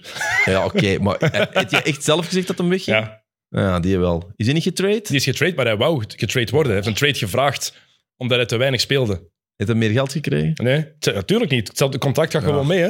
Maar nu speelde nog minder. Want hij zit achter Nikola Jokic. dus, maar los daarvan, ik vind, dat, ik vind dat ergens onnozel. Ik vind dat echt onnozel dat je daar een ring voor krijgt. Dan, er zijn gasten die... Nou nee, ik vind dat, ik vind dat onnozel. Dat is wat. Kijk, jij mocht dat tof vinden. Dat mag Ja, van mij. ik- ja. Maar ik vind, dat, ik vind dat nutteloos. Het is ook niet. Het zou anders zijn als je dan heel de tijd. Als je, stel dat je, stel dat je hier, dat we die in de stad zouden tegenkomen. Hè, eh, Thomas Bryant, en je zit ermee onthangen. En je zit heel de tijd. Hey Dennis, look at my ring, look at my ring, Dennis. Maar de Marcus Cousins heeft ook een, een ring van toen in, in, ja, eh, in het bubbelseizoen. Je moet niet de tijd daar mee liggen, liggen pronken en zo. Maar... Ik, zou, ik zou die ring ook niet willen hebben. Oh, Dennis. Nee, dat geloof Hoe principieel Als ik- kun je zijn? als ik- je, laat ik, Als ik in het midden van het seizoen word weggetrade en die ploeg speelt zonder mij kampioen en ik mis heel die title run, ik speel de playoffs bij een andere ploeg. Ik speel bij een andere ploeg de playoffs, hè. Dan wil ik niet die ring hebben. Nee, ik wil die ring mee verdienen op het veld. Of tenminste in de kern zitten als ze die ring... Zoals Scottie Pippen Jr. Inderdaad, speelt geen rol van betekenis op het veld, maar die zit wel in de kern tijdens heel die playoff run. Oh, boehoe. Je moet van privéjet naar privéjet gaan. met, met een of andere Louis Vuitton chacos, waar gewoon altijd vanaf vragen wat er altijd in zit. Of een of ander waterding. Allee, en- en die zou het dan... Allee, moeten we nou medelijden daarmee? Ik heb toch helemaal geen medelijden? Thomas Bryant heeft meer recht Maar op ik die heb- ring dan Scottie Pippen. Maar- Wat? Omdat hij mee... Zou jij niet mee willen met de Lakers? Wanneer heb ik het woord medelijden gezegd? Heb ik niet gezegd. Ik heb het woord medelijden, dat zijn NBA-spelers. Ik Jij heb zou geen- die ring niet aanpakken. Nee, ik zou die niet willen hebben. Zo, Dat meen ik wel echt. Dat meen ik echt. Als ik niet... Wel, Direct. Als ik, als ik meespeel, in die, als ik of gewoon bij die ploeg hoor tot en met het einde, dan wel. Hè.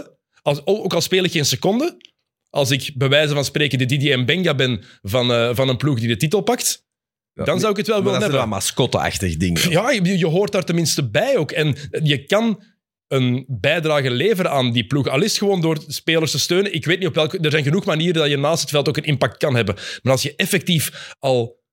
Dus de titel wordt verdeeld eind, half juni, eind juni. En dat je weg bent van ergens in februari of begin maart. Dat je 3,5 maand al bij een andere ploeg bent of weg ervan bent. Dan voor mij zou die waarde volledig weg zijn. Maar dat is persoonlijk. Misschien dat andere mensen het anders Denk zien. je dat Westbrook hem aanpakt?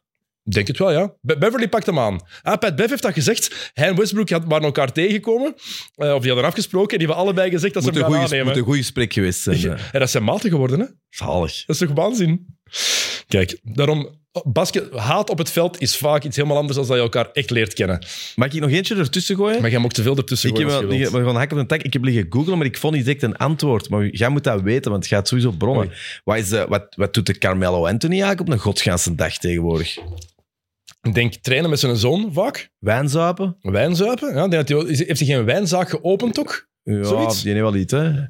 Maar met uw zoon trainen, is dat genoeg om eh, Dat- NBA ready te zijn? Oh nee, oh nee, maar die gaat toch niet meer in de NBA spelen, hè? Ja, maar wat gaat hij doen? Stoppen. Maar, Fijne vind carrière. je dat niet een beetje een geruisloze exit? Absoluut, maar dat is bij veel van die mannen wel zo spijtig genoeg, hè? Vind je een beetje jammer? Maar dat is jammer. Maar veel van, als je kijkt, back in the day, Olajuwon, die, eindigt bij, die stopt bij Toronto. Patrick Ewing die gaat nog naar Orlando en naar Seattle. Je hebt veel van die mannen die zo een geruisloze exit hebben gehad. Kevin Garnett zijn pensioen was bij Minnesota, maar dat was eigenlijk ook geruisloos. Hè? Dat was niet Kobe Bryant. Je kunt niet luider zijn dan Kobe Bryant zijn afscheid. Dat is het luidste afscheid aller tijden, bij wijze van spreken. goede afscheid. Fantastisch afscheid. Spijtig dat het gewoon geen playoff match was het kunnen zijn voor hem, want dat had veel meer betekend voor Kobe zelf. Maar dat was een fantastisch... Dat was echt... Ik ga weg, bang, hier is mijn afscheid. Maar hoeveel van die toppers zijn wel niet zo heel stilletjes aan uitgedoofd en ineens gestopt? Ik vind dat gewoon jammer. Dat is ook jammer. Ja. Want ik vraag, me af, ik vraag mij dan gewoon af.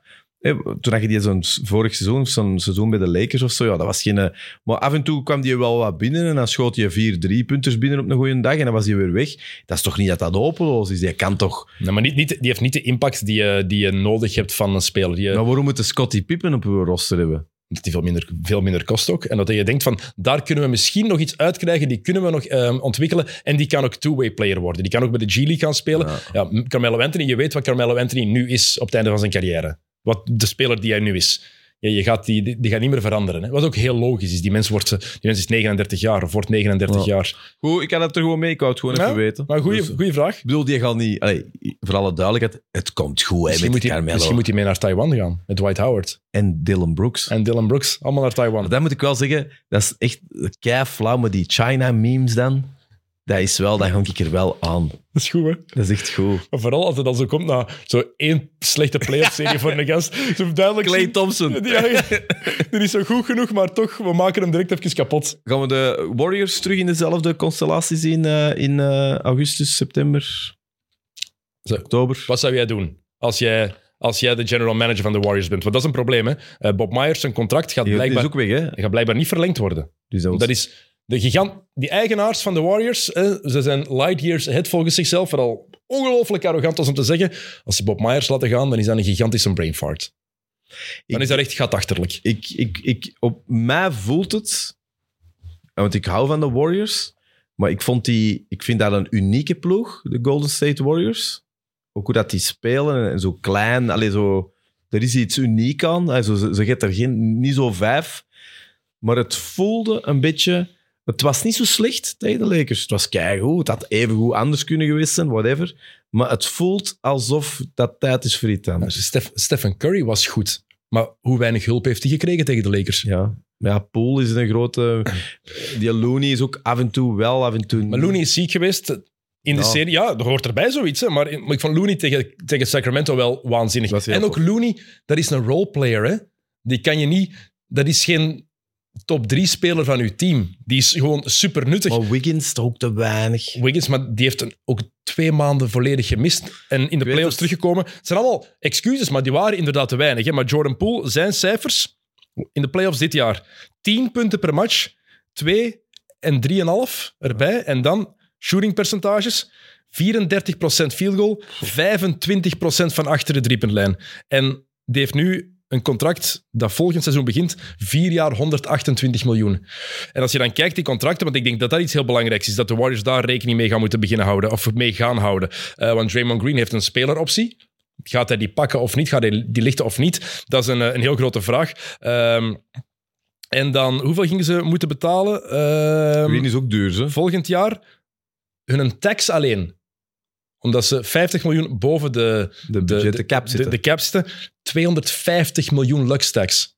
250 miljoen, omdat ze het zoveelste jaar is dat ze dat eigenlijk doen. Ik denk nu tweede of derde jaar in deze konst. Kan, kunnen die dat betalen? Die eigenaars, ja, dat is, de eigenaars moeten dat beslissen. Hè. Dat is hoe diep zijn die hun zakken. Is, ja, Dat is, dat, is puur, dat is puur uit de zakken van de eigenaars. hè. Die moeten beslissen, doen we dat of niet. Allee, beslissen. Ze hebben geen keuze. Ze moeten dat doen. Dit is wel een argument om iemand als Poel te traden. Wat ga je doen met de jonge gasten? Cominga was niet content met de weinige speeltijd die hij gekregen heeft. Blijkbaar heeft dat voor heel veel frictie in de ploeg gezorgd. Ehm, Moses Moody, ik vond die best oké invallen met momenten, maar ook weinig gespeeld. Ga je die jonge gasten houden? Ga je die mannen samen met Jordan Poole proberen te traden voor iets anders om nog, nog eens een, een run te kunnen doen met deze ploeg. Ik ben er heel benieuwd naar. Clay Thompson. Als Clay Thompson niet scoort, dan is er niet veel wat heb je daar hè. nog aan? Niks, een rare, een rare loop. Maar vroeger, had je dat, vroeger was hij een van de Ja. beste verdedigers ook in de NBA. Ja. Wat heb je daar nu nog aan? Ja, ik denk, ik denk echt dat ze bij de Warriors... eh, ik denk dat het goed is geweest of zo. Wat zou jij dan doen? Ja, ik denk dat... Ik, ik zou eerst en vooral goed met Curry babbelen. Want uiteindelijk is het dat toch. Hè? Er wordt altijd wel... eh, Green is altijd de meest vocale. Is degene die over alles een mening heeft. Maar je voelt toch dat de generaal is er toch nog altijd Curry, hè? Alles, alles draait om Curry. Wat wil Curry doen? Ik wil wel... Ik heb wel het gevoel dat Curry... Dat je niet graag weghoudt bij Golden State. Dat je dat eigenlijk wilt, wilt eindigen als... Dat is wat hij gedaan heeft. Ja, ben ik, vrij, ben ik het helemaal mee eens. Ben ik vrij zeker van. Maar als je kijkt de contracten... Maar Dus- heeft hij nog zin? Maar op die leeftijd, wat heeft die gast nog zin? Maar die, ik heb wel het gevoel dat, zeker als je als je, je lichaam goed genoeg verzorgt in de, heren, in de herendaagse, de herendaagse topsport, zeker in, in, in basketbal daar, dat je wel... Je kan lang genoeg Oké, mee. maar- Het is, maar- hij, maar hij is op leeftijd, maar, maar- ook nog niet. Maar de dynastie, het mentale van de dynastie en de splash en bla bla bla, dat is toch even voorbij. Je hebt toch een nieuw project nodig. Je gaat het toch. dat denk ik niet eigenlijk. Je gaat je, geld boeit je niet, er heeft hem genoeg. Ja. En dat contract stopt, maar die, je gaat, gaat- ik denkt, ik, ik vraag me af dat hij gemotiveerd is als je daar weer staat met Green en Thompson. Ik denk net dat dat meer en meer gaat motiveren. Omdat dat zijn vrienden zijn. Ja, omdat dat ook zo een is, die van, van, dat is van 2012 dat die samen zijn, hè? Die drie, hè? Toen is de Draymond Green gedraft. Dus, eh, hebben ze net elf seizoenen met En drie Durant terug. Dat, is- dat je Durant gaat, dat, zou, dat gaat hij nooit. Hey, even zingen, want we zijn echt lang over de... Zelfs ik zeg het lang. Maar de Suns, jong. Suns en Philly, kunnen we daar in één, eh, in één kunnen we daar inwisselbaar over babbelen? Nee, kunnen we niet doen. Gaan we, moeten we, moeten we, daar moeten we, gaan hierna, hierna moeten we over Phoenix hebben. Want, want ik heb een paar dingen over de Warriors nog opgeschreven. Ehm, over, is het gedaan? Ehm, Wat Het probleem is dit jaar, deze groep, als ze die terugbrengen, is het title window close. Want dit waren, waren verschillende groepen in één ploeg. En dan mogen ze Draymond Green, daarnet hebben we gezegd, wat hij doet, dat kan zijn ploeg motiveren. Maar Poel heeft hem ook... voilà, dat is weer het negatief. Je moet dat niet in je eigen ploeg doen. En je moet zeker niet proberen om iemand gewoon zijn oogkast te breken. Dat is misschien niet zo slim, want de uitspraken van Jordan Poole na de serie waren ook wel duidelijk. Ja, ehm, waren collega's, waren ploegmaats, het was basketbal, niet meer dan dat. Ik denk dat de Draymond Green zijn gezag in die ploeg serieus ondermijnd heeft.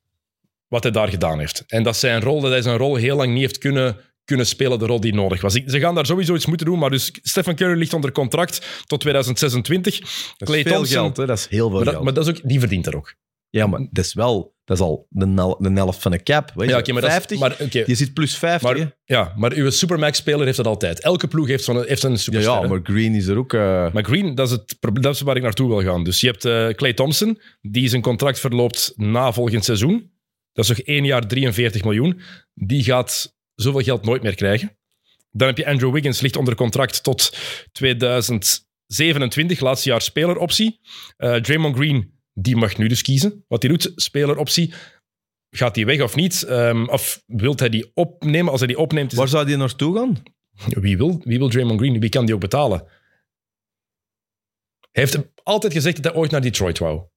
Hij komt van Michigan, hè? hij komt van... eh, Ja, dat, de, Detroit, die weer peggen met een draft. ja. Detroit, dat, dat gaat ook nooit niet goed. Hè. Eh, maar een contract zou ik nog niet... Het Jordan Poole contract, waar staat dat hier? Dus die mens, 128. 28 miljoen, 31, 33, 35 tot 2027.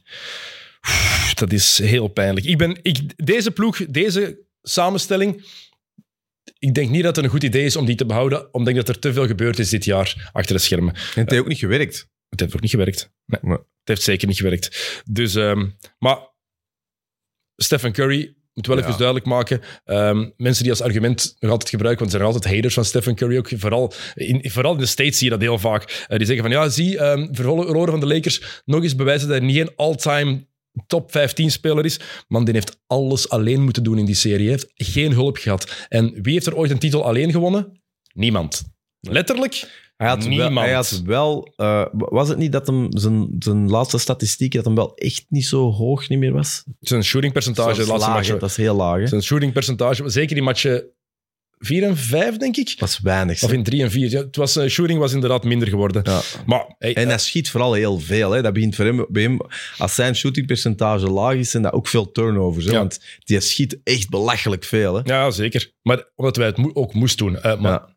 Terecht verloren in die serie tegen de Warriors. Eh, de, tegen de Lakers, beter gezegd. De Phoenix Suns, Goh. ja, die een track record de laatste jaren. Dus in 2020 hebben we de bubble. Ja. Undefeated. En dat was zo de, het begin, het startschot voor die run. Het jaar daarna verrassen ze iedereen, halen ze de NBA Finals, komen ze 2-0 voor in de finals en dan verliezen ze vier op een rij, gaan ze eruit tegen Giannis en de Bucks. Vorig jaar, beste record in de regular season, 64 overwinningen, meeste ooit in de clubgeschiedenis. Verliezen ze Game 7 tegen Luca en de Mavericks met 50 punten. Blijkbaar corona in de ploeg. Chris Paul had daar blijkbaar heel veel last van. Los daarvan, verliezen met 50 punten. In Game 7. Mag niet. Mag niet. Voilà. En dan nu, Game 6, bepalende match, seizoen on the line, staan ze er 30 achter aan de rust. 30. En dan is het ook voorbij. Oké, Chris Paul opnieuw geblesseerd. Aiton, niet meegedaan in Game 6. Maar dan nog 30 punten achter aan de rust, nog eens, mag niet eigenlijk.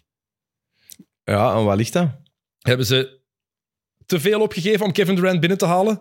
Is daar te, te weinig nagedacht over het evenwicht in de ploeg? Want met Ishbia, de eigenaar, die heeft een week nadat hij eigenaar is geworden, heeft hij meteen willen doorduwen en gezegd, oké, ja, eh, jullie willen Michael Bridges niet opgeven? Tuurlijk geven we die wel op. Michael Bridges, Cam Johnson, een, een, een zak vol met draftpicks. We gaan Kevin Durant Ja, halen. Te begrijpen. Die Maar- draftpicks, dat- dat- maar ja, dat, daar hebben ze nu nog geen last van. Nog niet. Nee, maar als je goedkope spelers wilt halen die een kleine Ik impact snap kunnen niet hebben... hoe, als je ziet Harden, Durant, dat soort spelers. Ik, zeg, ik, ik vergelijk ze niet, maar je weet wel, ex, allez, Hall of Famers die, ja, die richting einde van hun carrière beginnen te gaan. Dat, dat voelde toch dat dat, dat, dat, is toch geen goed idee niet meer. Moeten we het beginnen hebben over de carrière van Kevin Durant? Voor mij wel, ja. daar, moet daar Ja, nee, die is, die is set in stone, hè. die zit goed. Hè. Maar wat, wat, is, wat is set in stone voor jou? Ja. Hoe, hoe, bekij- hoe kijk jij terug op de carrière van Kevin Durant tot nu toe? Ja, ik vind gewoon dat je eh, de Nets en dan dit, dat is twee keer achter elkaar, is dat, is dat wrang. En dat je, als je niet, als je wrang, succes, wrang, succes hebt, dan, dan vergeten we dat sneller. Maar twee keer wrang, Harden gaat hetzelfde probleem hebben. Hij heeft nu hetzelfde. Het is zo, er is geen momentum bij hem. Hij, hij, is, voelt niet meer als, als, als eh, ja, een, een, een, onbetwistbare A-speler in je ploeg. En dat is heel raar als je hem ziet spelen. Harden heeft natuurlijk al wel... ehm, Durant heeft natuurlijk al wel dingen Titels. bewezen in de En playoffs. titels, Ja, en ook gewoon goede, goede series Ja. gespeeld. Harden, Vergelijk ze niet, maar je weet wat ik wil zeggen. Ja, het gaat over de bedoelt. superspelers. Daarom dat ik dat ook gisteren stuurde, is het zo wat voorbij de... Weet je nog, we hebben, dat ook met, met, met... In de voetbal is ook even geweest, dat, zo, dat je zo allemaal eh, eh, ex-grote spelers gaat laten komen die ooit goed waren geweest, die je veel geld geeft. Maar als puntje bij paaltje komt, missen die toch een soort frisheid. Dat heb ik hier wel mee. Ik vind, dat, ik vind eigenlijk Durant niet het probleem in de Suns. Wat is het probleem met Booker? Wat vind jij het probleem met Boeker? Ja, dat, dat op papier allemaal goed is, maar dat hem hier toch weer zit. Ja, maar ik denk nu, dat als er nu ene mens is waar je het, die het niet kan verwijten in mijn ogen, dan is wel Devin Booker. Ja, Ik, vind die, ik vond die fenomenaal in deze playoffs. Ja maar het, het, het, het hangt toch wel wat aan hem of zo. Ik weet het niet. Als ik, ik vind Kevin Durant, het ligt ook Moet hij weg? Moet Booker dan weg Nee, het zitten? totaal niet. Je moet, als er nu twee mensen zijn die je moet houden, zijn het Booker en Durant. Dat is uw basis nu. Is het Heel Paul dat te oud is? Maar Chris Paul heeft de laatste match niet meer gespeeld. Ze zeggen dat ze sneller spelen nu. Ja, maar ja, snel Maar ze, spelen. maar ze liggen er toch Ze uit. spelen sneller, maar ze hebben Cameron Payne als point guard. Ja. Hè? Dan zou ik liever Ja. trager spelen, maar niet met Cameron Payne. Hè? Kevin Durant, ook eerlijk zijn, Kevin Durant was slecht in de laatste matchen. Hè? Ik heb die nog nooit zo... één, zoveel zien missen. En ook de manier waarop. Heel on-Kevin Durant. En Booker, die gooide nog altijd die bal in de zee. Was hoe dat die mens, hoe dat die tot scoren kan komen, alle mogelijke manieren. Kevin Durant is niet Kevin Durant geweest in de laatste matchen. Maar wat, wat is dat dan dat dat toch aan een franchise hangt? Ik verschiet er toch weer niet van. Terwijl ze zo in het seizoen zo goed waren. Er is Natuurlijk. altijd iets met de Suns. Utah kon dat ook een tijd. hebben. Weet je nog, zo twee seizoenen Maar is, geleden? het, is het eerlijk dat we daar nu zo over oordelen? Te bedenken dat Kevin Durant wel nog geen tien matchen heeft gespeeld in het reguliere seizoen met die ploeg. Is het eerlijk om daar al zo nu een oordeel over te vellen? Als, als Durant er in het begin van het seizoen was geweest, was het gemakkelijker geweest om daar zo definitief over te zeggen. Maar hij is, dit geblesseerd, is hij, begint, genoeg. hij begint geblesseerd te geraken. Dat is toch niet, dat is toch niet een... een, een hij is dus minder betrouwbaar hij is hè, minder betrouwbaar gewoon. op dat vlak. Dat is waar. En, en dat soort... Ik vind dat altijd dat dat harder opvalt. Bij de, Anthony Davis heeft dat ook, hè. Anthony Davis, zo, als op en af is, dan is, dat, dan is dat veel erger dan die een of andere roleplayer. Hè, want- Natuurlijk, Kevin Durant vorig jaar in de playoffs. Brooklyn was niet goed genoeg, mede dankzij Kyrie ook. Maar Durant is wel, Ja, maar- fit, Durant is wel fit gebleven. Ik wil zeggen, toen heeft hij Ja. de playoffs gespeeld het jaar daarvoor. Die voet op de lijn, had die een teen op de lijn. De, Wat was dat nu weer meteen? Wat was? Sorry. tegen, tegen Milwaukee? Ah, ja, ja, Game ja, 7, sorry. Ja, ja. Game 7 Ja, ja, game reguliere speeltijd. Hij, die spin move en hij shot in drie punten binnen. Dacht iedereen, dan gaan zij door naar de conference finals. Ja, Teen op de lijn, overtime en Milwaukee wint nog. En zo is het gedaan omdat Kevin Durant gewoon oppas. Ja, en dat had, anders, dat had de hij, geschiedenis spe- hij anders speelde zonder Kyrie en met een halve James Harden in die serie. Ehm, ik weet niet wat het probleem is met dit Phoenix, behalve de kern is niet breed genoeg. Dat is één. Of de roleplayers er rond zijn niet de juiste. En die zijn niet goed genoeg. Quinton Ross, dat, dat is het inderdaad niet. Die Wainwright, dat is het ook niet. Ehm Campaign is het ook niet. Ze hebben daar iemand anders nodig. Het probleem is, wie ga je halen? Ze hebben amper assets. Ze hebben financieel niet veel opties. Ze hebben het contract gegeven aan DeAndre Ayton, die weer een no-show was. Ja. Ze hebben Chris Paul, die nu echt gewoon te oud is geworden. Ja. Die opnieuw geblesseerd is uitgevallen. En je zag daar ook dit seizoen van... Oké, de Chris Paul die we ineens zagen in de laatste vier matchen van de, van de... Of laatste drie matchen van de conference finals... Nee, van de conference semifinals tegen Dallas vorig jaar. Dat is blijkbaar de Chris Paul die we nu altijd krijgen. Hij is, Ja. nooit, hij is nooit meer de, de Chris Paul geweest van in het reguliere seizoen vorig jaar. Nee. Maar wie gaat die overnemen? Ik hoorde wel, maar ik, ik- dat zal wel voor te lachen geweest maar ik was zo aan het scrollen. Is dat een mock trade? Dat, dat de, de eigenaar van de Suns weer naar Harden aan het kijken was? Dat is toch voor te lachen? Dat kan toch niet? ik, ik heb dat ook gelezen. Maar was dat een mock trade? Nee. Of- Dat was echt, hè? Ja, dat was echt... Maar dat is toch het slechtste plan Dat, dat ooit? zou... Dan moet Paul toch weg, of niet? Dan moet, dan moet Kevin Durant ook zeggen, nee, die gaan we niet nog eens binnenhalen. Als jij Kevin Durant bent en je hebt meegemaakt met Harden wat hij in Brooklyn heeft meegemaakt. Ja, dan zijn dat echt goede maten en dat weet ik niet. Ja, maar, Ja, dat doet er niet, hè? dat, maar oké, Is Harden goeie, voorbij? goeie, Is Harden voorbij? goeie maten. Is... Hangt eraf welke Harden. Twee dingen snel over de Suns. Ehm, want ik, ben, ik heb die contracten hier even bijgehaald. Ehm, Kevin Durant ligt onder contract tot 2026. Mhm, Ehm, Devin Booker tot 2027, denk ik. Ja, tot 2027. En terecht, ik vind dat de basis ook. Ik vind dat je die echt moet houden. Maar dan DeAndre Ayton tot 2026. En dat is elke keer 30, 32, 34, 35 miljoen. Chris Paul, oh, Chris Paul ligt nog onder contract tot 2025. Dat is twee keer 31 miljoen. Dat je die nog moet geven. Dat is abs- die, die bedragen zijn zo absurd. Maar dat zijn toch de enige twee, enige twee mannen die je kan traden? Dat zijn toch de enige opties? Maar dan is het... en dan- Eten, eten en Paul. maar wie, wie gaat die willen? Voor dat geld Welke niet. ploeg? Voor dat geld niet. Maar welke ploeg? Gewoon los daar... Ja, inderdaad, vooral voor dat geld Dat niet. geld maar niet, hè. DeAndre Ayton, waarom zou je die binnenhalen? Wat heeft hij nu laten zien dat het rechtvaardigt om die de komende drie jaar 100 miljoen dollar te geven? Niks. Zou de Luca kunnen... Ja, is wat los daarvan. Dat is een nummer one pick boven Luca Doncic geweest, hè? Ja. Die Andre Ayton. Maar los daarvan, Maar DeAndre Ayton, dat is ook achterafklap. Ik, heb er, ik ben er wel ooit door gecharmeerd. ik ook. Hij die net daar een paar... Oh, Maar nu de playoffs vorig jaar nee, nee, en dan wat we dit jaar Nee, gezien hebben... Als je twee jaar achtereen laat afweten... Dat is het eh, probleem. Dus ik, ben, ik weet niet wat ze gaan kunnen doen. Het, het, eh, wat daar ook wel de zaak is nu, ze hebben dan Matt Ishbia, die nieuwe eigenaar. Die heeft zelf, ehm, is benchwarmer geweest bij Michigan State in college. En dus die kent wel wat basket. Maar blijkbaar moeit hij zich ook heel graag met de basketbalzaken. Nieuwe eigenaar die dat zo begint te doen. Dat is altijd, dat is altijd Ik het, eh, het Jokic-moment... Toen dacht ik wel zo... het opstootje. Ja, ik had wel zoiets... Waarom gaan we niet doen, hè? Ik Wat vond jij daarvan? vond dat je dat niet moest doen. Jij vond ook de, de fout van de eigenaar. Oh, 100 procent. Denk ik. Ja, ik ook. Daar gaan we het toch niet over. Het is niet hetzelfde als met die ring, hè? daar geef ik je geen gelijk in, maar dat wel. Ja. Dat, ik vond vooral... Ik- Jokic, krijgt, daar een boete van 25.000 dollar. Ja, ja, dat was helemaal Wa- belachelijk. Waarom? Ja, dat was heel belachelijk. Ja, ik vond er vooral zoiets bij. Ik heb dat al niet graag. Eh, ik, ik, ik ben zo schoenmaker. En ik bedoel, Mhm. ik, je, hebt daar, je hebt daar niks te zoeken. Je zult wel eigenaar zijn, maar je, nee, als dat een coach is, dan nog iets anders. En, maar dat, ik had zoiets... Ik vond Jokic terecht dat hem zei... I couldn't care less. Voor hem is dat een vent, hè. Maar dag erna wel mooi. Ja. Of, of twee dagen daarna dat Jokic er naartoe gaat, hem die een bal gaat geven. Ja, En dan even dat knuffeltje, dat zegt ook alles over, over Jokic. Maar Jokic is een baas. hè. I Hoe dat hem ook weer over, hem ook weer over Davis bezig was en zo, dat is echt... eh, Er is veel respect tussen... iedereen respecteert Jokic ook. ja, Niemand, niemand kan iets slecht zeggen over die we mensen. hebben eigenlijk weinig over Jokic gehad, maar ook dat shot dat hem dan weer binnen... Want die heeft ook een Op- raar shot, Op het hè. einde van game 3, Ja, van uh, van het derde kwart. Derde kwart, dat je ook weer denkt... Dat- die reactie van LeBron gezien? Eh, Anthony Davis, die lacht daar Ah zo. ja, Anthony Davis. Ja. Ja. Nee, LeBron was nog Jamal Murray. Ja. Jamal Murray deed ook een, een heel zot shot en dan zo... Dat duimpje. Dat, dat was echt een wanhoopspoging. Bij Murray, dat vond ik echt vreselijk. Ik dacht van, wat doet hij nu? Hij moet het weggooien, want de shotklok klopt een einde. Maar dat was een lucky shot. Bij Jokic was voor mij geen lucky shot. Bij, bij Murray was pure chance. Ja, maar die heeft gewoon niet zo'n heel... Dat, als je dat vanuit een bepaalde hoek... Nu zijn er veel meer een lelijk shot. hè. LeBron zijn shot is ook een heel raar shot. Maar eh eh, bij dat van Jokic, als je dat bij bepaalde hoeken ziet, is dat wel zo...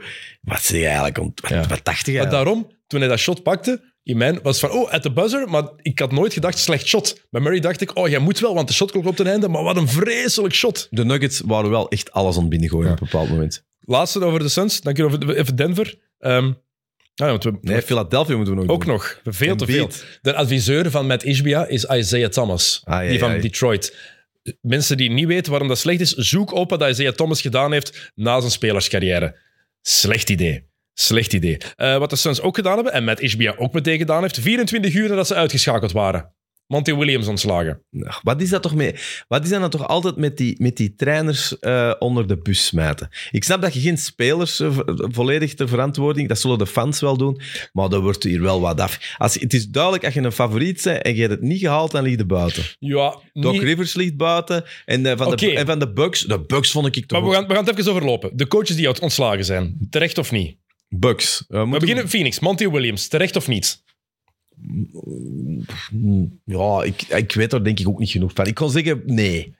enige reden dat ik het ergens begrijp, er was bepaalde frictie tussen hem en Eten die heel aanwezig was. Als je, als je wil verder gaan met Eten, je hebt je nog altijd onder Ja. contract, number one pick, dan moet je misschien een andere kant op kijken. Daar kan ik ergens in komen. Dus zo die redenering begrijp ik dan. Sportief, ja, ze hebben opnieuw gefaald. Ja. Ergens is de verantwoordelijkheid dan vaak voor de coach. Een speler kan je niet op straat zetten, maar dan, nemen ze- want dan dat is alles asset. terecht. Dan is alles Nee, nee, niet per se, want het hangt vanaf welke aanpassingen je ook doet natuurlijk. Hè. Bijvoorbeeld, wie is er nog buiten gegooid? Eh, Mike Boerenholzer bij Milwaukee. Ja, ik, heb dat, ik vond dat toen nee, maar ik heb daar toen een heel analyse over gelezen. En dat was zo iemand dat echt alles wist. En dacht ik, oh ja, als je het dan zo ziet, eh, dan klopt het. Daarom dat ik zeg, je kunt dat wel een verantwoording vinden. Maar, Meteen op de lijn van Durant. Als die er niet was gebeurd, was hij toen al ontslagen Ja. geweest. Maar ja, het was niet, hè. Nee, maar Ja. nu de laatste twee jaar... Heeft, heeft hij fouten gemaakt als coach? Absoluut. Net zoals Joe Mazzulla afgelopen nacht ook een gigantische fout heeft gemaakt. Eh, wie niet, hij dan? met dat niet te wisselen.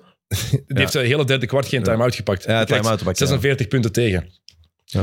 Misschien even een time-out. Ja. Even stoppen. Al is het maar om even te provoceren. even gewoon dat momentum te breken. En dan Doc Rivers, on- terecht of niet? Ja, Doc Rivers is, vind ik minder, maar ja, dat is een beetje de story of his life aan het worden, hè, Doc Rivers. Ja. Je kunt eigenlijk zeggen, zot dat hij nog altijd ergens terechtkomt. Die zijn cijfers. Dus ja, dat dat is bij Philadelphia. Ik heb Doc Rivers zijn cijfers hier, maar als je die coaches bekijkt, dus de enige coaches die ehm, sinds 2018, 19 nog bij hun ploeg zitten. Van toen. Kerr. Kerr, Spoelstra, Popovic en Michael Malone. Dat is het. Maar Popovic telt niet. Maar dat is, maar dat is, het, dat is het. Vier. Spoelstra is wel altijd... Ja, is wel een, Spoelstra is een nieuwe Popovic aan het worden qua ja. longevity. Maar ik mag die wel. Ik mag die ook Ik wel. ook. En Ja, eerlijk, hey, dit seizoen gaat hem ook niet buiten smijten. hè. Nooit. Die, die, gaat, die gaat sowieso niet buiten. Wie was een andere? Ja, Popovic, eh, wie was die vierde? Michael Malone van Denver. ah ja, Denver. Die zat er ook al. ook... Terecht, goed. ja. ja. Maar dat zijn de, het, het is Ja. meer het aantal dat mij verbaasde. Het zijn er maar vier. Sinds 1819, hè?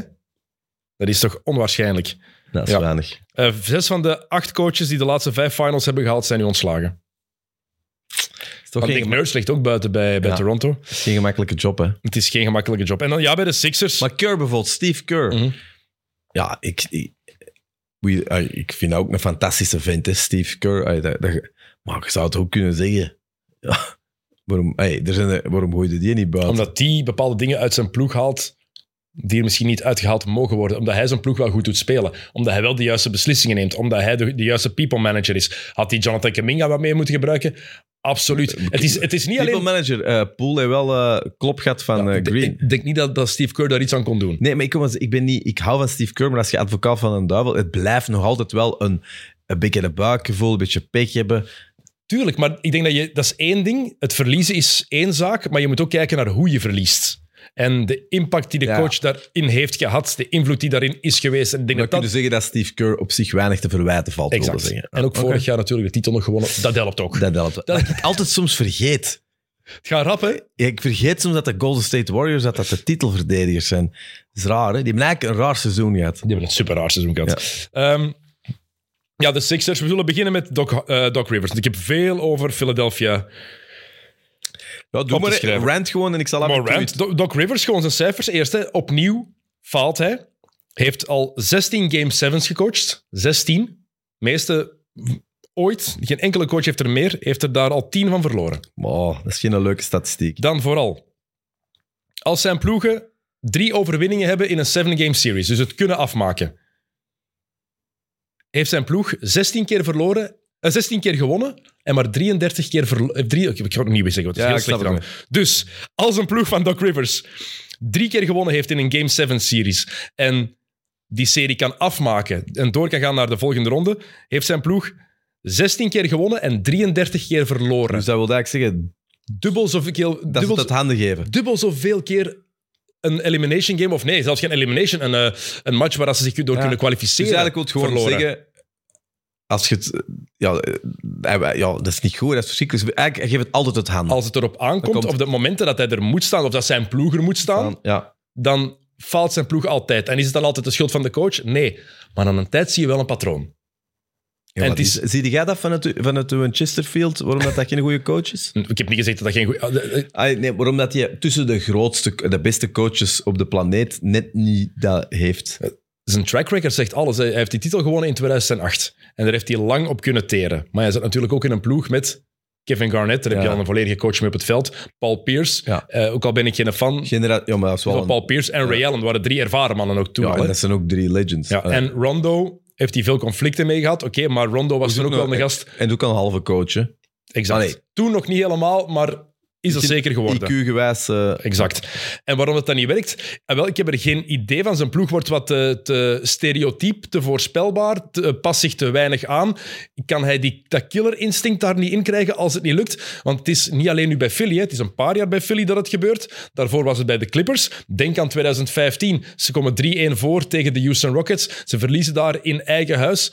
Van Houston met James Harden op de bank verliezen ze van Corey Brewer en Josh Smith. Daar verliezen ze van, hè? dat is niet goed, De hè. prime ploeg met ehm, Chris Paul, met, ook al was hij half geblesseerd, maar oké, Chris Paul, met Blake Griffin, met DeAndre Jordan, met JJ Redick, met Jamal Crawford. Dat was een goede ploeg toen. Die hadden net de titelverdediger San Antonio uitgeschakeld. Ehm, we gaan terug daarvoor, bij Boston. 2012 3-2 voor tegen Miami. Oké, het was het Miami van Prime LeBron. Maar je staat wel opnieuw 3-2 voor. Je hebt, die, je hebt genoeg kansen gehad. En dan is het heel vreemd dat het elke keer niet lukt. En aan tijd is er wel een patroon. Lijkt mij wel duidelijk. Ja, en ook gewoon... Je kunt ook niet...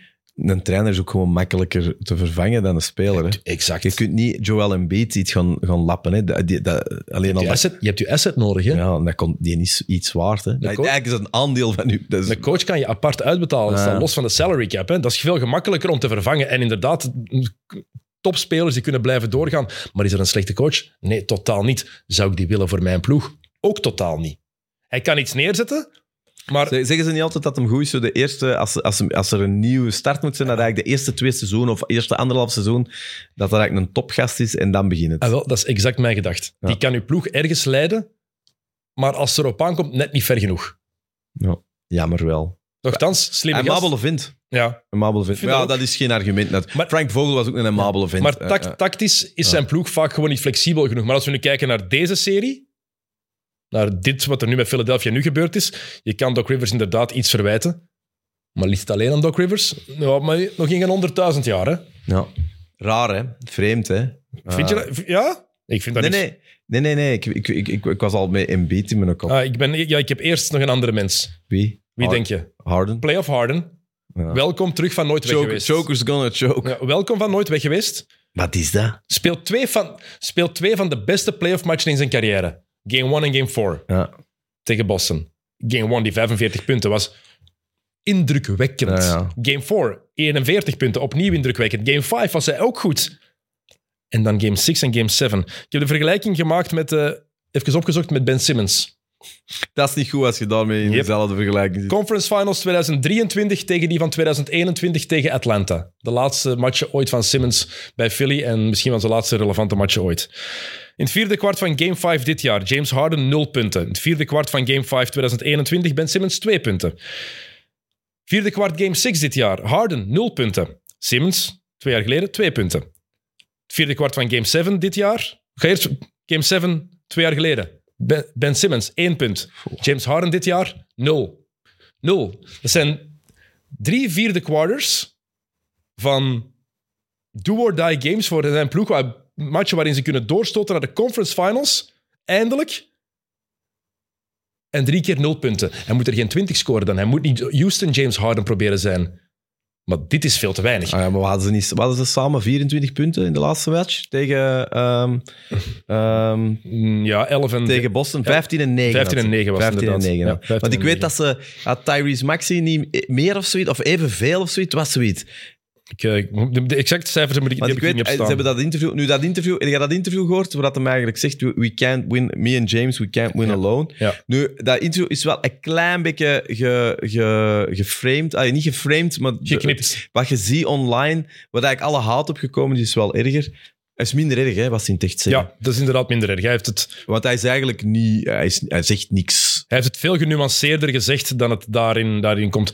Maar het is ook wel niet slim om dat te zeggen. Als je zo'n match gespeeld hebt met twee net. Nee, zwaar. Maar ja, goed, hij had daar nooit gezeten, moest hem niet gewoon goed gespeeld hebben. Dus de, even kijken, Maxi had 17 punten. En Beat had er 15 en Harden 9. Dus samen hadden ze er 24. Ja. ja ik er is veel reactie op gekomen. Dat ze, dat ze eigenlijk zeggen, we can't win alone. En eigenlijk de helft van hun roleplayers had, had meer of zo. Terecht. Maar ik vond, je zag het vooral, en dat was het probleem. Seconde 1. Seconde 1 zag je, oh nee. Oh, het is deze James Harden.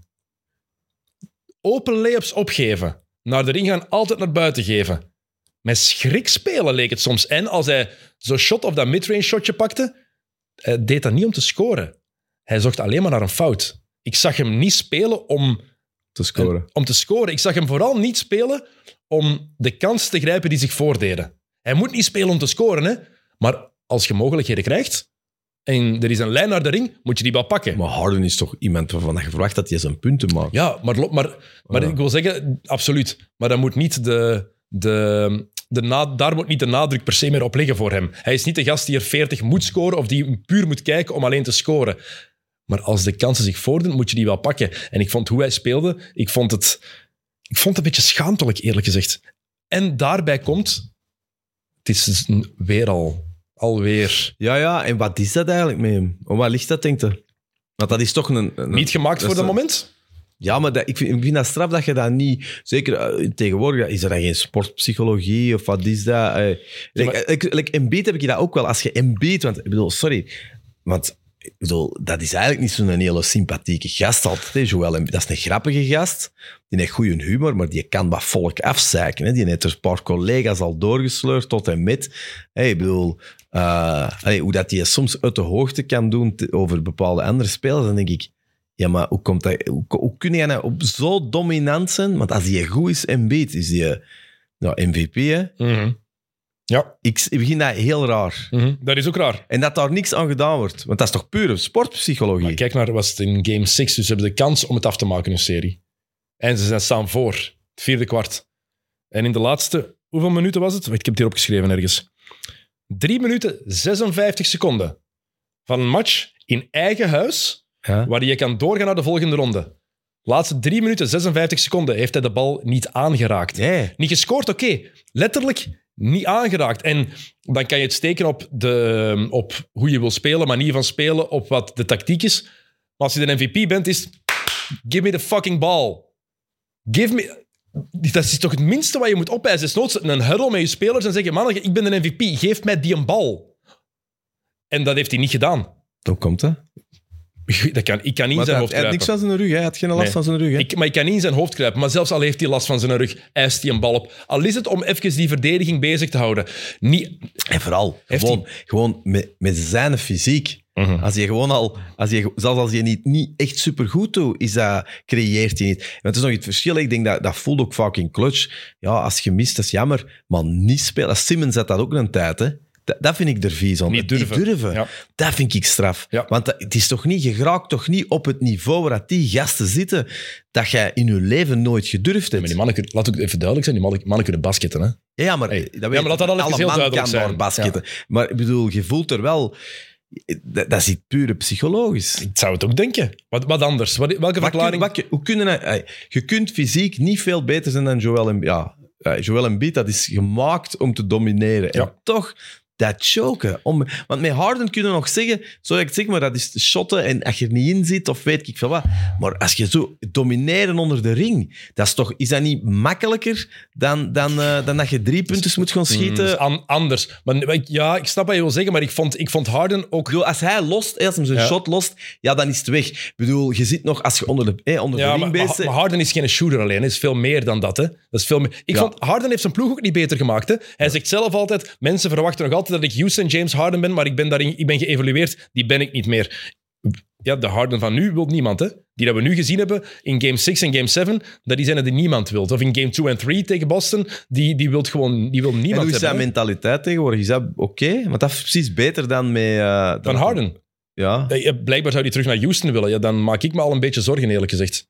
Als je terug wil gaan naar, eh, naar Houston, waarom zou je dat willen? Ik weet niet of die mens effectief die winnaarsmentaliteit heeft. Of die dat liever wil dan wat dan ook. Waar een LeBron bijvoorbeeld altijd heeft gehad, die gast wil winnen. ja. Wat Jason Tatum, altijd, altijd wat Jason shape. Tatum ook heeft. shape. Jason Tatum. Jimmy Butler. Die mannen, Janis, ook al was het een, heeft hij gefaald dit jaar, die wil winnen. Dat is die, die, mentali- die mentaliteit daarin. Ik weet niet of Harden dat heeft. Ik weet niet of die zo over lijken wil gaan om, om te winnen. En het probleem is dat we nu gewoon een voorbeeld hebben van jaren. Want hij heeft natuurlijk ook playoff matchen gehad waarin hij cijfers heeft. Maar als je kijkt naar de matchen op de belangrijke momenten, Is hem er niet? Nee, die cijfers waren al wel gezet. Of die werden in, in, in garbage time gezet als het, al, als het voorbij was. Of in matchen die ze wel wonnen, maar niet op de matchen die, hij nog, die te belangrijk waren voor de serie. En we hebben nu effectief al wel een paar jaar dat dit gebeurt. Wat gaat, wat gaat hij naartoe, denkt hij? Houston blijkbaar. Nu Doc Rivers, want Doc Rivers was een van de redenen dat Harden naar Philly wilde komen. En Daryl Morey natuurlijk. En dat was de vraag nu, was jouw relatie met Doc Rivers? Um, it was oké. Ja. Mm. Hij, is ook, hij is ook niet de loyaalste, ook niet. Hè. Dat hebben we al lang gezien, inderdaad. Ja. Dus ik denk wel, het ontslag van Rivers, Daryl Zoals Morey... eh, Frederik de Bakker altijd zegt, wat een lul. Maar Daryl Morey heeft dat volgens mij wel gedaan om Harden ook tevreden te houden. Ik vind in ieder geval, ik, ik, ik, ik, Westbrook heeft daar ook een beetje mee, de, de, de gouden tijd of de dagen, dat dat echt A-spelers zijn die alles kunnen eisen. Ik vind dat Harden het wel nog lang ontrekken is. Hè? Want er was toch nog weer even zo wat hoop bij Philadelphia. Maar Mhm. gaan, gaan we er nu niet mee stoppen? Met Harden, met ons, eh, ja, met ons bekocht te voelen door James Harden? Hoe bedoel verkocht te, te voeren? bekocht. Ik bedoel, je toch altijd nog bij Harden... Hey, eerst was het, was al een tijd niet goed, maar dan bij, bij, bij Brooklyn dacht je, ja, maar ja, hey, als ze het daar in orde krijgen, Irving, Mhm. Durant, Harden, ja, het is niet gelukt. Dan naar Philadelphia mee. Maar waarschijnlijk Embiid zal het wel kunnen fixen. Ik bedoel, hoe vaak kunnen we nog hopen? Nee, dat is, dat is waar. Maar de vraag is, wat ga je, er, wat ga je, wat ga je ermee doen? Want hij heeft een, eh, een, spelers, China. hij heeft een, speel, hij heeft een spelersoptie. Hè? Ja, ik weet Dus je kan, je kan er ook niks voor terugkrijgen op dit moment. Dus als hij, gaat, als hij weggaat, dan ben je hem gewoon kwijt. Ja, dat, dat is hem te duur, te Ja. waardevol voor. En als je kijkt, een track record, als je het overloopt... Wat Ik heb, ik heb een paar matchen individueel opgeschreven, ook van doorheen de jaren, die ik mij kon herinneren. En dan denk ik aan in de bubble. Game 7 in de eerste ronde, ze, ze winnen die tegen OKC, maar Harden komt niet opdagen. De ronde daarna verliezen ze tegen de Lakers. Harden die zijn ploeg opnieuw er niet over krijgt. Ehm 2019 ehm, tegen, tegen, de, tegen de Warriors was het denk ik dat, die, dat ze dan uitgaan. Tegen de Warriors zonder Kevin Durant gaan ze eruit, die al geblesseerd is. Eh, in de eerste ronde Harden ook weer zo'n, wat had hij toen? Ehm ze konden, had toen 22 punten, maar 3 op 20 voor zijn shots bijvoorbeeld. En 14 punten van op de vrijworplijn. Maar niet de impact die hij moet hebben. En daar heb je zo'n paar jaar. eh, denk aan 2015. Ik zei het net, die match tegen, tegen, de, tegen de Clippers. Zijn ploeg wint, maar hij zit op de bank. Hij heeft daar geen impact in. Er zijn te veel matchen geweest waarin Harden daar niet stond. 2018, ze hadden de Warriors ik vind wel met dat hun, je... rug tegen, met hun rug tegen de muur. 3-2 voor. En dan missen ze 27 driepunters op rij. Maar Harden doet ook niet wat nodig is voor zijn ploeg om die daarover te krijgen. Ik Dus- vind, wel dat je, ik vind wel dat je eens een special moet maken. Het is wel een negatieve special. Met zo op te lijsten van alle spelers die er eigenlijk toch wel meer hebben uitgehaald dan als ze er hebben ingestoken. Maar ik, weet, ik, denk, ik denk niet dat Harden niet hard werkt. Nee, maar het, het gaat over het, het loon dat ze Ah ja, krijgen. zo. Ook Ja. dat is een cover geweest van, van eh, PlayStation-spelletjes, hè, die gast. Fear maar- the Beard, dat is een meme, hè, dat, is, dat is een cultureel fenomeen. Dus, dus, eh, ook MVP zeker? Nee, niet MVP. Jawel, Wel, 2018 dus, MVP. Ik bedoel, 2018 MVP, ja, ja. en ook 2018. de lonen dat je nee en zo. je- je kunt- Tuurlijk. dat zijn wel zo van die, die borderline supersterren die, als dan de geschiedenis erop gaat terugkijken, is daar toch veel om over te, te Maar- memmen. Maar die gaan, maar die gaan de Geschiedenis geschiedenis... gaat niet lief zijn voor James Harden. Dat weet ik dus niet. Want als ze, vaak wordt nuance vergeten doorheen de jaren. Hè. Kijk naar Karl Malone. Als je puur naar de cijfers kijkt, is Karl Malone de beste power forward aller tijden. Is het dat? Belangen niet. Nee, maar die heeft wel een aantal iconische momenten gehad. ja, hè, welke? met- ja, met Stockton en zo, Ja. was dat niet... Met welke momenten? Ja, ik weet niet, ja. Dream Team. eh, Ja. Dream Team. Conference Finals verloren 92, 94, 96. Finals verloren 97, 98. En Finals verloren door gemiste vrijworp game 197 wanneer het erop aankwam. Van wie, op wie pakt Jordan de Steel game 6? Ja. En, met- en Ja, dat zijn maar een paar momenten, hè. maar, Maar zo zijn er meer. heeft geluk gehad dat dat in een era was dat de NBA en, en hoe dat de wereld en technologie... Die gasten hebben allemaal wat geluk gehad dat dat helden zijn geworden. Hè? Mm. Maar, daarvoor heb je, maar daarvoor ook George Gervin is ook zo een. Ja, maar dat is echt al lang geleden. Ja, ik weet het. Maar, oké, maar, 90% van YouTube zit na te zeggen, oh god. maar George Gervin en, En, er is eigenlijk een zot gegoogeld. Maar George ik kan dat en gewoon James niet doen, want dan Harden zie je al dat. zitten veel, gelijkenissen, zitten veel gelijkenissen tussen, tussen Gervin en James Harden. Geweldige scorers, geweldige spelers. Maar laten we duidelijk zijn, Harden, topbasketter. Hè? Maar als het erop aankomt, step back three. dan valt hij altijd door de mand. En dat is nu weer gebeurd. En, ehm, Ik had Embiid, gaat Embiid zich nog kunnen herpakken? ja, wel, ja, dat denk, Embiid is ook jonger. Hè? Dat is het, het, het voordeel aan Embiid is, het track record is iets minder lang dan dat van, eh, van Harden. Maar, die moet, maar dat moet toch nog altijd een franchise Philadelphia speler worden? Tuurlijk. Dat is nu, voorlopig is hij de enige MVP die nooit de conference finals heeft, heeft bereikt. Dat vond ik een heel opvallende statistiek. Dat is geen leuke Ehm, statistiek. Zeker met Jokic. Jokic helpt dan ook niet. Hè? Nee. Maar voor mensen die... Want heel veel mensen hebben zo wat spijt van... Ah, het geen MVP moeten zijn, want hij het er nu heeft laten zien. Regulier seizoen. MVP-trofee gaat over het regular season Ja, alleen. Maar daar antwoorden we weer dezelfde vraag waar we twee uur geleden al over begonnen. Dat regulier seizoen zullen ze toch iets mee moeten doen, want nobody cares. Oké, maar die een trofee... Het heeft geen nut om daarop te beginnen kakken als een speler niet presteert in de playoffs. Want dat gaat niet over de playoffs. Die een trofee is enkel en alleen gemaakt voor wat iemand heeft laten zien in het afgelopen reguliere Ik weet seizoen. het. Maar als je, je voelt toch ook wel dat als, u, als uw bijnaam is eh playoff puntje, puntje, Mhm. puntje, dan is meer waard dan dat je zegt Tuurlijk. choked in the play, during the playoffs. Absoluut, maar neemt dat daarvoor de maar waarde wa- van die MVP-trofee weg? Nee. technisch, je hebt weer principieel, waar je altijd goed in bent in principe, zitten weer gelijk. maar je voelt toch wat je voelt. De prijzen worden toch letterlijk aan de eindmeet Ja, maar dat, is het, maar dat maakt net niet uit. Is Embiid zijn seizoen gelukt? maar dat maakt net niet uit. Is Embiid zijn seizoen gelukt? Ik vind van niet. nee, die neemt Maar- een MVP-trofee en jij zegt letterlijk, uw seizoen is niet gelukt. Maar die MVP-trofee blijft wel terecht. Net zoals David... ja, maar je zet de voor- ik ga een voorbeeld- Ja, ik ga- soms, ik- ik ga een voorbeeld- soms zeg je te AI-robot. Maar ik ga een voorbeeld aanhalen. Ik ga een voorbeeld aanhalen. David Robinson wordt MVP in 1995. Na een geweldig seizoen. Ehm, beste, ploeg, beste ploeg van het regular season, de Spurs dat jaar. Hakim Olajuwon heeft, eh, was MVP het jaar daarvoor, titelverdediger met Houston. titel. Die hebben een moeilijk jaar. Zes, nummer 6 seed maar, het reguliere seizoen. En dat ze traden voor Clyde Drexler. Echt moeizaam jaar. Hakim was goed, maar niet de impact die hij had in zijn MVP-jaar. David Robinson was fenomenaal. Robinson wint de MVP-trofee voor de regular season. In de conference finals krijgen we Robinson tegen Olajuwon. Olajuwon. Olajuwon maakt die af. Ja. Gaat Robinson zijn seizoen mislukt zijn als ze eruit liggen in de conference finals? Waarschijnlijk. Maar dat betekent toch niet dat hij geen terechte MVP is geweest? Nee, maar er is eerste al een verschil of dat je er in de finale uitgaat of dat je in ronde Conference finals. Ja, het is Conf- één, één ja, ronde verschil. Ja, dat is waar. Eén ronde, ja, het is, is- het is inderdaad een verschil. Hè? Maar niet zo groot, het is niet zo gigantisch. Nee, dat is waar. Je hebt zeker gelijk. Hmm. En ik, ik snap die redenering ook. En ik vind het ook altijd jammer van hier, de MVP. Ik vind ook dat hij het moet laten zien in de playoffs. Hè. Laat dat duidelijk zijn. Dat hoort zo. Dat, je verwacht dat van de MVP. Ik denk gewoon, als je een Philadelphia-fan bent, kun je toch, dan is het toch een wrang gevoel. Tuurlijk. En ook met dat Harden gedoe en zo. Ik bedoel, er zijn zo van die, die ploegen... Ja, er is geen upset. Nee. Nee, maar ik ben het daarmee eens. Maar dat betekent niet dat die MVP-trofee onterecht was. Omdat dat nu eenmaal gewoon over het reguliere seizoen gaat. En ik vind dat ook nog, ook al is het minder tof dan, om het zo te zeggen, voor mij heeft dat nog altijd zijn waarde. En verwacht je meer van een MVP in de playoffs? Absoluut, tuurlijk. Dat is een MVP. Ik vind dat je gewoon veel verwacht van Joel Embiid. Omdat ik altijd vond, en daar ben ik dan fout in, dat voor mij, een, als, eh, wat ik leuk vind, is zo de, de echte oldschool centers. Hè, dat is, hè, de, de Giannis'e Embiid. Maar Giannis heeft wel een ring, hè.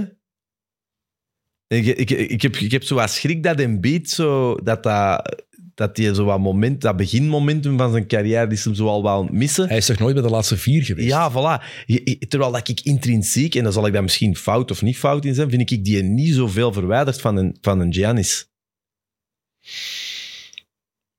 Het zijn andere spelers, hè? maar in C qua hè, hoeveel, hoeveel punten geven ze in een, in een PlayStation-spel, hoeveel, hoeveel procent hebben ze.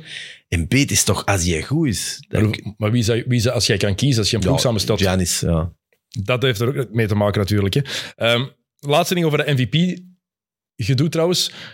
Dat is sowieso geen garantie op succes. Als we de, de laatste jaren afgaan, de MVP's, die, of zij de titel hebben gewonnen of de finals hebben bereikt. Embiid, nu niet. Daarvoor twee keer Jokic. Nee, daarvoor twee keer Giannis. Zelfs die de finals gehaald. James Harden, eruit in de conference finals. Westbrook het jaar daarvoor, eruit in, het, eh, in, het, eh, in de eerste ronde. Eh, Wanneer, Steph- wanneer was LeBron dan? Is dat zo lang geleden al? 2013, laatste keer MVP. Ah, die heeft ook weinig gekregen. Vier keer. Ehm, het is, als je het effectief seizoen per seizoen overloopt en je kijkt wat daar gebeurd is, is het terecht. Is, is het echt wel is één jaar waarin hij het had moeten krijgen en niet gekregen heeft. Dat is 2011. Toen eh Derrick Rose heeft gewonnen. Ja. Toen had hij het ook verdiend. Maar als je kijkt naar de spelers die de finals hebben gehaald of de titel hebben gewonnen als MVP, Stephen Curry in 15, Ja. titel gewonnen als MVP. LeBron in 13 en 12, titel gewonnen als MVP. Tim Duncan in 2003. Shaq in 2000. En dan zitten we al aan Michael Jordan. Dus ik wil maar zeggen, Ja, het is, het is, er- de, de MVP winnen is geen garantie om ook de titel te pakken. En het is uitzonderlijker dat het wel gebeurt dan dat het niet gebeurt.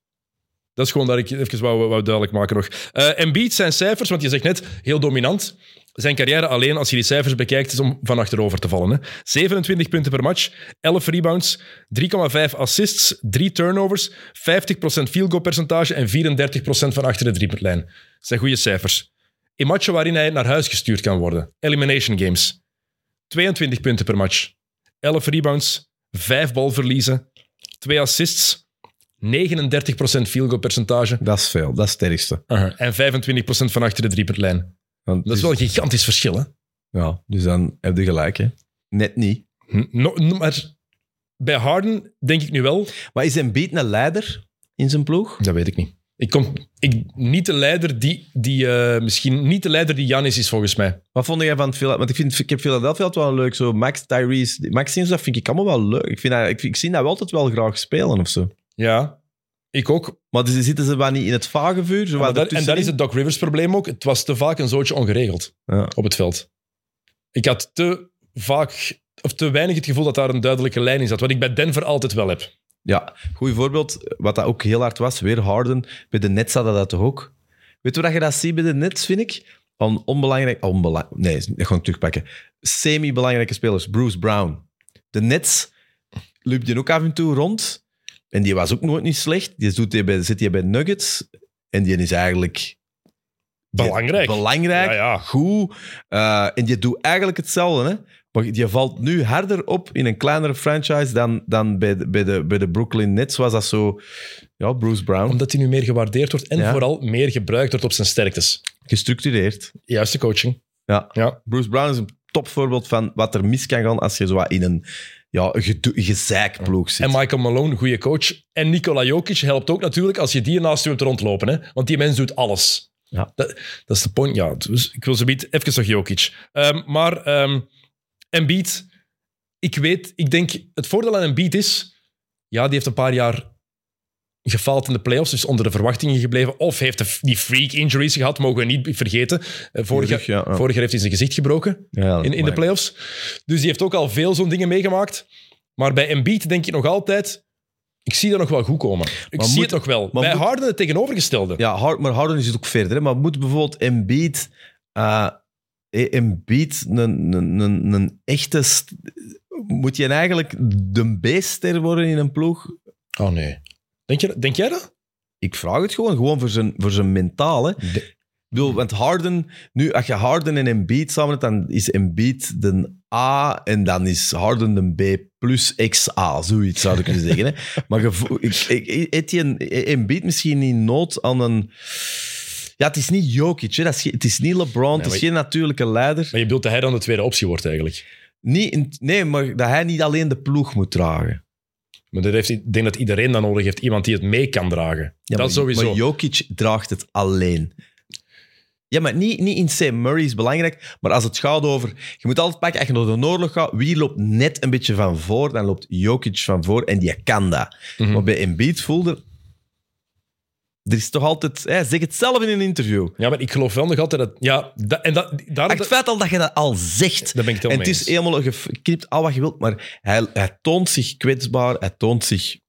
Ja, En hij gooit, zijn, hij gooit zijn ploegmaats eigenlijk onder de bus. Terwijl hij het eigenlijk liever bedoelde Ja, dan... exact, Dan- exact. Dan, want hij, hij- daar ging het niet over. Hij wist dat hem zelf ook in fout. Tuurlijk. Maar als je dat zegt, dan weet je ook dat, u, dat je ploegmaats wel een beetje onder de bus gooit, ook al is het niet zo bedoeld. De hè? grote zeggen dat nooit.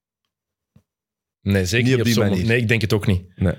Ehm, en wat hij ook dan zei, van, ja, het zijn allemaal leermomenten. Hè? De, de Janis-quote kwam er wel uit. Ja, kijk, ehm, dat is waar. Maar bijvoorbeeld iemand als James Harden. Ik heb het daar met Francisco over gehad, over dat falen. Was een goede podcast Van trouwens. dit, denk, ja, Francisco, heerlijke mens. Emma ook eh, trouwens. Ik heb nog niet wel uitgehoord, maar eh, ook eh, legend. Ik, is dat, dat was deze? Jij zit Gewoon in de Emma Meesman. de Emma Meeseman-zetel. Ik voel me goed. Zoek de Pedro Elias zetel. Ja. Ja, dat voelde minder goed. maar dat is dan weer mijn zetel. Ehm, maar iemand zoals, om het, het voorbeeld, we zijn toch over Philly bezig, het Harden voorbeeld erbij te halen. En dan terugdenken aan die quote van Giannis Antetokounmpo. Hè, in sport kan je niet falen, zei hij. Ik heb mijn mening daar toen met, eh, met eh, Francisco duidelijk genoeg over, over gegeven. vond het wel een schoon interview. Het sloeg nergens op, maar het was schoon. Ik vond de manier waarop hij het zei, vond ik fantastisch. Het was bijna gere- geregisseerd. Maar volwassen. En ik, daar, daar had ik zoveel bewondering voor, voor En hoe hij hoe dat, die, hoe dat die, dat, de- het was bijna als ik nog een film aan het zien was. Hoe dat dan met die journalist aan het spelen was. En Wel, Dat vond ik ook fantastisch Ja. gedaan. De inhoud was ik het niet helemaal mee eens, maar als je... Dus elke nederlaag is een leermoment. Daar geloof ik ook in. Ja, Absoluut. alles niks. alles waar je in mislukt, dat kan je van leren. Als je het effectief wilt. Maar als je nu kijkt naar James Harden. En je moet elk jaar blijven bijleren. Maar uiteindelijk blijkt dat je niet bijgeleerd hebt. Wat is het dan? Hetgeen dat ik u net Heb je gezegd dan heb. heb, maar heb, zie, zie- bekijk jij nu de carrière van James Harden als een... Hoe, bek- hoe kijk je daarnaar? Ah, wel, wat ik u net gezegd heb, je moet die special maken. Een special van... Ja, maar ik, ik, maar, dat is wat- ik wil weten wat jij ervan denkt. Hoe kijk jij naar de... Als jij terugkijkt op de carrière van zo iemand als Harden. Ik denk dat je altijd... Er is van alles wat. Dat is in sport, dat is in media, dat is in film. Dat is allemaal dat een carrière heeft. Je hebt de, je hebt de one-percenters, dat zijn de absolute supersterren. En dan heb je de roleplayers. Maar er is ook altijd net dat ding ertussen. Ja, die, die, ja wat doe je daarmee? Maar Harden is wel een top 75 speler aller tijden. Hè? Ik denk dat we daar wel over eens kunnen zijn. Dat hij daar wel bij Dat hangt hoort. er vanaf hoe dat je die criteria opstelt, maar daar zeg jij beter in dan ik. Het gaat over hoe gaat de geschiedenis u herinneren. Wat is uw, eh, zeg toch, wat is uw afspraak met de geschiedenis? En zijn, voorlopig, als hij nu morgen zou stoppen, gaat hij herinnerd worden als een gast die... Is, Als We- een- is West- Westbrook. Oh, Westbrook of Harden, wie staat hoger? Dat is een moeilijke, hè? Harden. De ander nee wel... Heeft wat? Ja, Westbrook heeft toch ook de, de, de cijfers en, en, en de jaren gehad dat hem veel gewonnen heeft. Ja, maar Harden heeft individueel meer uit zijn ploeg gehaald dan, dan Westbrook. Maar is er ook gewoon altijd gefaald in de playoffs. Westbrook is niet verder gekomen in de playoffs op zijn eentje. Hè? Of met, met Paul George als, eh, als, als ploegmaat. Of met James Harden toen, toen ze er met twee waren in de bubbel. Hij is, eh, sinds, sinds Kevin Durant is vertrokken, is dat ook niet meer geworden. Hè? Nee. En ik vind dat Harden, en dan, daarom dat ik het reguliere seizoen nog wel belangrijk vind. Hè. Ik vind dat Harden daar alleen wel meer uitgehaald heeft. Uit, uit zijn teams, vind Oké. ik. Maar, Maar, maar, het, los zijn, ervan- het zijn maar kijk, het- kijk, je hè. weet, het zijn wel, als je, als je die special gaat maken, dan zijn het wel dat soort gasten dat je er wel in zet. Zeker. Zo van, het zijn Hall of Famers. Eh, Ze hebben fans. Ze hebben hun, we gaan het opnieuw doen. Ze hebben allemaal een eigen schoen. Dat is eigenlijk nog het beste. Ja, Degene met een eigen schoen zonder een ring. Zion Williamson. Hmm. Een eigen schoen zonder... dat is ook- die, is, die, is te- die heeft toch te ik weinig vind dat een gespeeld. goed ding. Hij heeft te weinig gespeeld. Patrick Ewing had zijn eigen schoen. een eigen schoen zonder een ring. Charles Barkley. Eigen schoen zonder een ring. Goeie schoen, de Barkley. De 180. De 180. Tracy McGrady. Ja, Eigen, schoen, nooit de eerste ronde overleefd. Met San Antonio, maar toen speelde hij niet meer, dus dat telt niet. Dat wordt special. Eigen schoen, geen ring. ja, maar het is waar, hè. Dat- is wat die, dat is wat die gasten zijn. Dat zijn ook... James Harden ook commercieel, hè. Marketinggewijs. Ongelooflijk eh, En eh, speler, misschien hè. ook geen eigen schoen, wel een ring. Zoals Dirk Nowitzki. Nooit een eigen schoen gehad. Dat zou ook een lelijke schoen geweest zijn. Dat zou zo'n, dat zou zo'n multifunctionele schoen geweest zijn. zo'n dikke, wit, zo hoog, voor de enkel goed te beschermen. Eigenlijk zou Adidas of, of Reebok zich niet, niet slecht gevoeld hebben. Dat is dan de enige top-Duitser dat er toen dat er voor zo lang in de NBA is geweest, na Detlef Schrempf. En die speelde met Nike. ja. Heb je dan geen fout gemaakt als Duits sportbedrijf? Of heb je dan niet als manager van Dirk Nowitzki misschien toch een paar telefoons niet gedaan? Of gewoon Nike wou gewoon meer geven. Hè? Kan ook Nu, wel. Nike's, ik heb ook altijd liever in Nike's gespeeld dan in andere. Ik, vind Ik dat heb soms veel wel, geprobeerd. ik vind dat wel soms grappig als er zo duidelijk iemand ineens zo'n New Balance aan heeft. Of zo- zo'n merk dat je denkt, tja, zitten die nou ook... eh, of zo van die vage Chinese merken. Ja, van Clay Thompson. Weet, hoe heet dat weer? Ehm, Caruso heeft dat ook gehad. Caruso heeft er ook zo... Heb je dat ooit dat filmpje gezien? Zo, Caruso heeft zo zo'n eigen schoen bij zo'n Chinees... At, Atta? zo? Anta, ja. de Clay, Thompson heeft dat ook. Anta. Anta. En dan, en, dan, en dan is er zo'n filmpje, zo'n locker room filmpje, dat Anthony Davis zo naar die een Anta zit te zien. maar, maar, maar dat is ook zo, zo'n- zo met weinig woorden afzeiken. Zo. Dat is terecht. Ehm laatst van de Sixers. Twee dingen. In game 7. Het staat 55-55 in het derde kwart. Tegen de Celtics, hè? Tegen de Celtics. Game Ja. 7. 55-55. En dan scoren ze zes minuten niet meer. En dan ineens is het 88-60. Dat zegt eigenlijk alles dat je moet weten over die Game 7. Eh, ik heb Is nog- dat dan Doc Rivers zijn fout? het is, nee, Doc Rivers een fout en Joel Embiid zijn fout en James Harden zijn fout. De drie leiders van die ploeg. Oké, en... Want we zijn altijd maar bezig wat iemand niet goed doet. Is op dat, is, kun je ook niet gewoon zeggen... Nee, nee, dat is gewoon Brown en Tatum die gewoon... eh, ja, de Celtics zijn gewoon een beter ploeg. Die gewoon even het gaspedaal induwen en, je zegt, en ze zijn weg. Zes minuten niet scoren, daar is geen excuus voor. Zes, in de NBA, Ja, anno dat is waar. 2023, In dat moment... van Ja. 55-55 naar 88-60 gaan, daar is geen excuus voor. Ja, want- ze hard tennis. Nee, maar dat is, toch gewoon de, lo- dat is toch gewoon de logica. Het gaat over absolute topsport. Hè? Het gaat over Game 7 van de Conference Semifinals. In een serie waar je 3-2 voor stond en Game 6 in eigen huis mocht spelen en daar eigenlijk die match nog had kunnen winnen. En je geeft het in het vierde kwart uit handen in Game 6 en in Game 7 kom je gewoon ineens in het derde kwart niet opdagen. Ja, dan, Dan, dan, verdient het niet. dan hè? verdien je het niet. Nee. Is de process voor jou ges- nu eigenlijk gelukt of niet? En ik heb het over het tanken dat ze gedaan hebben onder, ehm, onder Sam Hinkie destijds om Ben Simmons te krijgen. Ehm Okafor, Markel Fultz en Joel Embiid. Ik, Ik ga- heb dat gelezen. Ik heb dat, sorry, ik doe de gaat, want ik wou de stats overlopen, maar als je het... Nee, nee, nee. Ik heb het toen gelezen, maar jij moet het vertellen, want jij hebt het waarschijnlijk openstaan. Maar dat is gruwelijk wat dat die nee tegen gezegd hebben. hè. Is dat niet? Maar nee, ze wilden gewoon zelf bouwen, hè. Ja, maar die hebben toch een aantal picks die zo dan zo niet gepakt. Allee, wat had kunnen geweest zijn, dat wordt er niet goed gezien van. Hè? Eh, 2017, de NBA draft. De Boston Celtics hadden een number one pick. Ehm, en de consensus number one pick toen was Markel Fultz. Maar Danny Ainge wist, er is maar één dat ik wil hebben. Dat is Jason Tatum. Ja. Dus we traden, naar- we, we traden down. We geven de Sixers de number one pick. Wij gaan voor de nummer drie pick. En we krijgen nog wat assets voor de gelezen. toekomst. Ja. Ehm, maar de proces. Dus vanaf dat ze zijn beginnen winnen. Ja. 2018. 52 en 30 eruit in de tweede ronde. 2019. 51 31 eruit in de tweede ronde. 2020, dus het eh, bubbeljaar. 43 en 30 eruit in de eerste ronde. 2021. 49 en 23 eruit in de tweede ronde. 2022. 51 en 31 opnieuw eruit in de tweede ronde. 2023. 54 en 28 en er opnieuw uit in de tweede ronde. Alleen Mijn vraag aan jou. Is de proces nu geslaagd, mislukt of ergens daartussenin? Ja, ze hebben nu, het, de discussie is een discussie geworden omdat ze natuurlijk nu in het reguliere seizoen een beter gemiddelde hebben. Hè? Ja. Maar dat is alles. Nee, dus. Eén keer de conference finals bereiken had al een groot verschil gemaakt, denk ik. Ze hebben hoe niet, we dat daar is niet gelukt, hè? Ah, denk ik niet. Ah, wat is niet gelukt? Nee, het is niet gelukt. De, de- je moet altijd als de fan, als je fan bent, blijf je toch op je honger zitten. Dat Zeker omdat je met een Embiid zit waar dat zoveel... Dat is toch een gamechanger, die Exact. gast. Ja. ja. En natuurlijk van die dingen like Ben Simmons, maar daar gaan we het nou niet over hebben. Eh, Die is een tweet gezien trouwens, of die is een Nee. story op Instagram. nee. Dat, is, dat met een glas wijn aan het kijken was naar dat de, de Sixers aan het verliezen waren van Boston. Ja, ik hou daar niet van. Ik hou daar niet van. Ja, vil- ik vind ook dat villain-gedoe, ik vind dat ook niet geplaatst. Nee, ik vind het wel heel grappig. Ja. Eh, maar je zei daarnet wel iets heel belangrijks. Moeten we de, geen krediet geven aan eh, Jason Tatum en, ehm, en, ehm, en Jalen Brown? Eh, Jason Tatum is een van de meest indrukwekkende playoff matchen die ik ooit heb gezien. Ja. Die scoort in game 4, 5 en 6 scoort hij niet in het eerste kwart. Game 6 heeft hij, was het 1 op 14 dat hij had. Maar er komt een maar. En dan ineens is daar het vierde kwart. Gaspedaal in. En Jason Tatum zegt van, ik ga gewoon blijven spelen. En wap, 14 punten op rij. En we gaan een Game 7 krijgen in Boston. En dan komt hij een opdagen in, in Boston. Hoeveel was het? Vijf? 51. 51 punten. hè? Dus het record van Stephen Curry tegen Sacramento. Meeste punten in Game 7 ooit. Een paar weken later is het alweer weg. Ja, ik heb het er niet mee. Ik heb het u gisteren gezegd. Ik weet niet wat dat komt, want ik kan niet zeggen waarom, want die is fantastisch. Maar er is, he rubs me the wrong way. Maar wat, wat- je hebt altijd wel een paar kleine dingetjes waar je van zegt van, daarom heb ik er een probleem mee. Ja. Wat is dat bij jou bij Jason Tatum?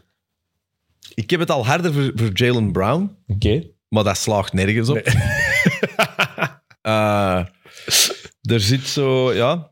Ja, dat is moeilijk. Ik zit er, ik, ik, dat is een ontzever. Ik voel het. Ik heb geen argumenten. Ik weet het niet. Een gevoel Ik- gewoon. Een gevoel. Oké. Terwijl bij Brown heb ik zoiets, ik, ik heb Brown liever. Terwijl Tatum, ja, dat is precies altijd zo... Ja, ik vind die zo'n gunfactor laag en ik weet ook niet om wat dat, dat ligt, want je doet ook niks verkeerd, die mens. Je speelt prachtig een basket. Maar Ja. kan jij dan voor genieten als hij zoals in Game 7 51 punten scoort? Natuurlijk. Dat wel. Op dat niveau. Ja, maar, je, hebt- je, Wel je- de best of the best. Hoogste moment en die knalt er dat in. Oké, maar dan heb je er geen hekel aan. Dan is Nee, nee, nee. Nee, Nee, maar- nee, nee. nee. Oh, nee, maar ik heb aan, eigenlijk aan niemand... Een, ik heb zelfs aan Kyrie Irving geen hekel. Nee, maar als, nee, nee, ik bedoel sporthekel. Als in, je kijkt naar iemand... Ik had dat vroeger met Paul Pierce. Als die een Ah, ja. 45 punten scoorde, kon ik daar niet van genieten. Ik vond dat Nee, vreselijk. nee, dat ik weet ik niet waarom, maar ik, kon daar, Maar ik, zie- vond dat zo lelijk. Ik zal, het zo, ik zal het zo zeggen. Ik- En ik kan ook fouten, maar aangezien ik toch al een onwaarschijnlijke statement wel heb doen uitkomen, kan ik me wel permitteren. Ja, ik zie, ik, ik zie die dat ook weer niet winnen of zo. Oké. Eh, ik zie... eh, hey, ik, ik wou eigenlijk nog een paar weken geleden roepen, zo, het wordt eh, de bubbel opnieuw. Maar ja, na van de nacht moet ik dat misschien toch wel niet doen. Maar het kan nog, hè. Miami, LA, het kan perfect. Miami staat 1 voor. Ja, maar LA staat hier Ja, maar, oké, maar dat is maar één match. Hè. Ja. Over, daarom, over, de, over de conference finals Morgen, gaan, we morgen nog, gaan we weer weten. gaan we het nog niet hebben. Eerst een paar matchen. Dat heeft geen nut om daar Nee, te ik, hard ik, op vooruit te ik, ik blikken. weet het niet met de Celtics. Ik zie ze, ik zie ze, ja, ik zie Miami het toch weer halen of zo. Het is vooral straf dat de, de, de Celtics in eigen huis ook niet goed zijn. Die hebben nu acht matchen in eigen huis gespeeld Terwijl dat zodat dat zo'n typisch eigen huis is. Vier en vier zijn die in die acht Hoe matchen. komt dat? De Lakers hebben nog niet verloren in Ik eigen ben huis. altijd zot van die vloer trouwens. Hè. Ah, ik vind dat fantastisch. Ik, ja, wel, Ah, zot als in, Prachtig, dat is die vloer. Dat is, ik vind het ook heel mooi dat ze dat gewoon altijd zo houden. Als je, als, motiefje. als je een huis koopt en je hebt zo'n parket, dan denk je, ah, het is geen visgraat. maar daar is dat echt top, hè. Ik vind dat prachtig. Blokjes parket. Dat is- De schoonste vloer van, eh, van heel de NBA. Ja, de opvallende rest zou... Allee, de rest ziet er allemaal... Ik, vond die van Golden State dit jaar super mottig met dat zwart soms. Als ze in die zwarte shirt speelden, hadden ze ook die... eh, Ja, ja. Vond ik echt een hele mottige. ja Een paar rare... Meestal valt het me niet echt... Allee, En de Celtics die houden gewoon vast aan dat is old school. echt oldschool. Ja. Eh maar Tatum, en wat hij over zichzelf zei, humbly, I'm one of the best players in the, in the league, had hij in, ma- na match zeggen. 6 gezegd. En dan nu heeft Jimmy Butler na vannacht gezegd van, ik heb het gevoel dat ik beter ben. Vind ik ook cool. Vind ik ook Butler, cool. Butler, wat een held is Butler. Eh, maar laatst van Tatum, wat, waar- waarom dat ik Tatum zo straf vind en daar zoveel bewondering voor heb, die kan van die stinkmatchen hebben, maar ik heb bij hem het tegenovergestelde gevoel als bij James Harden. Als het echt moet, dan kan je er wel van uitgaan dat Jason Tatum er gaat staan. En dat is niet altijd zo geweest. De finals vorig jaar had hij, was hij ook ehm, volledig uitgeput, was het ook gedaan. Maar er is iets in Tatum dat mij altijd het vertrouwen geeft. En die Game 7 tegen Philly Ja. heeft dat eigenlijk weer bevestigd. Vorig jaar, Game 6 tegen Milwaukee. Staan 3-2 achter, gaan naar Milwaukee. En daar doet Tatum het ook opnieuw. Scoort hij ook een 40er tegen, tegen een, een veel betere clutchplayer dan, dan Harden, zeker waar. In de playoffs. Ja, zeker wel. Maar ik, ik, laat het gewoon duidelijk zijn. eh, Ik, ik zet hem niet op datzelfde hoogte. Ik vind Butler nog... Ik vind dat bij mij gaat dat altijd over crazy. Hoe zot zijn die? Zo, hè, wie is de zotste in de room? En Butler vind ik vaak de zotste. Zo, wat dat, uiteindelijk gaat dat op dat moment nog over mentaal. Hè? Zo van, wie wil het nog harder dan... ge- Je ziet Butler zie je met een gebroken been Ja. spelen. Maar Butler zal al halve gebroken been. Butler is sowieso al, eh, is sowieso al, is sowieso al aan het kapot ontgaan. Eh, nee, nee, ja. Maar de wat ik wel cool vind aan Tatum, en dat is wel eh, waarom dat ik, het, er zo, dat ik het u ook wil vragen, wat is dat toch? Want puur qua bouw en qua atleet en de lengte dat hem heeft en de, en de wingspan en zo, dat is eigenlijk de perfecte basketbalspeler. Ja. Dat is echt... Je kan niet meer dromen dan er Je zo kunt niet meer dromen. Ik bedoel, dat is zo... eh, en je merkt dat bijvoorbeeld daarom dat ik bijvoorbeeld een Zach Levine altijd zo frustrerend vind. Want die neemt dat eigenlijk ook een beetje. Maar die, ja, die zit daar dat niveau onder. En dat vind ik boeiend. Dat je- Zach Levine wordt dan betand als zijn ploegmaat meer shots pakt dan zij. is dat dat enkel, denk je? Nee, nee, maar dat is al een go- goed argument. Ja. Ah ja, oké. Als je dat al hebt. Nee, maar op zich heeft hij ook het ultieme frame om een topbasketter te zijn. Hè? Is trouwens nog altijd geen 30, hè, Zach Levine. Nog niet.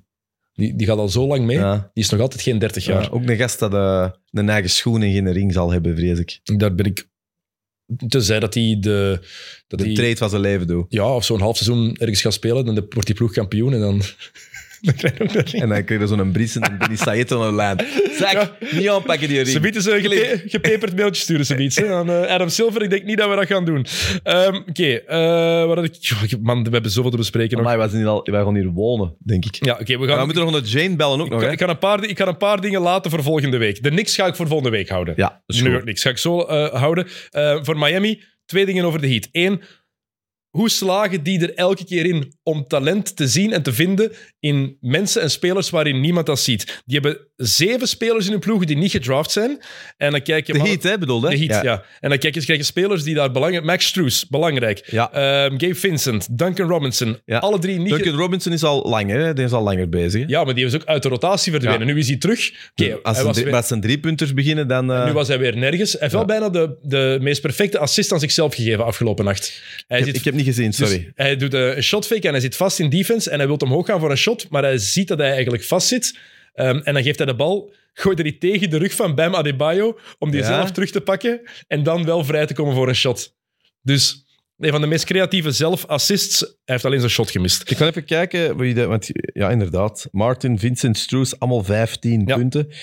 Adebayo 20. Martin, nog een. Niet Kevin, Kevin Love, sorry dat hij daar ook nog altijd tussen Ah, cross. Martin. Die is ook, die- Kevin Love is nou ook aan het amuseren, Ja. denk ik. Niet gedraft ook, Martin. Nog gewinnen. Adebayo, 14e pick. Hero, 13e pick. En dan de headcoach heb je Eric Spoelstra, die opgeleid is binnen de club zelf en nu al aan seizoen 15 bij, die, bij dat team zit.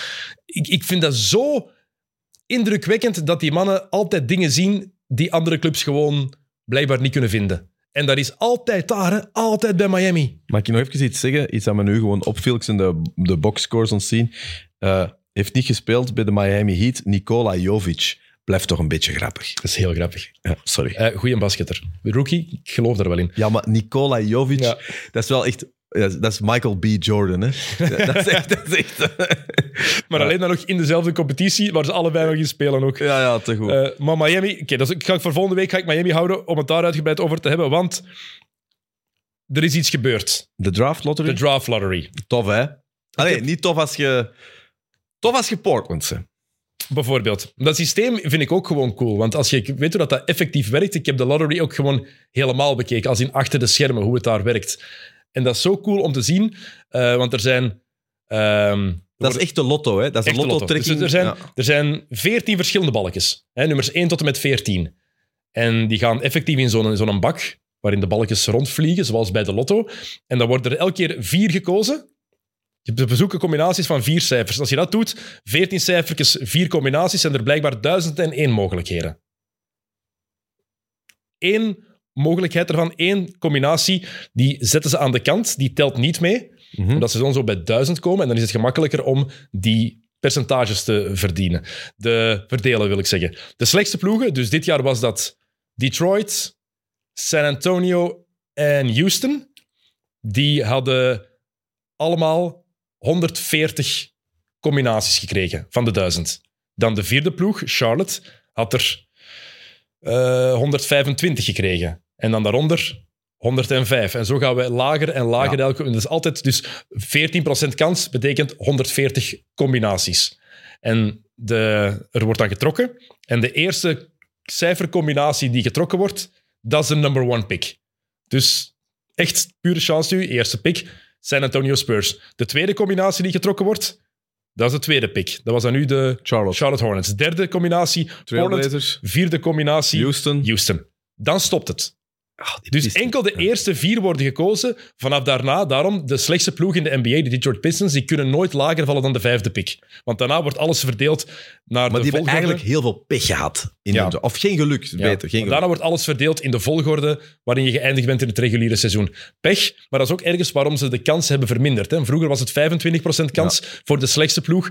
Zo willen ze het eerlijk houden. En Detroit heeft twee jaar geleden Kate Cunningham gedraft. De nummer één draft pick gehad twee jaar geleden. Niet onbelangrijk. Nee, nee, maar gewoon als je een Detroit staaf ze denkt wel, ja, lap. Ja, we hadden Wemby kunnen hebben. Als je Portland ze denkt, hey. Mm -hmm. hey. Absoluut, maar die zijn gestegen inderdaad.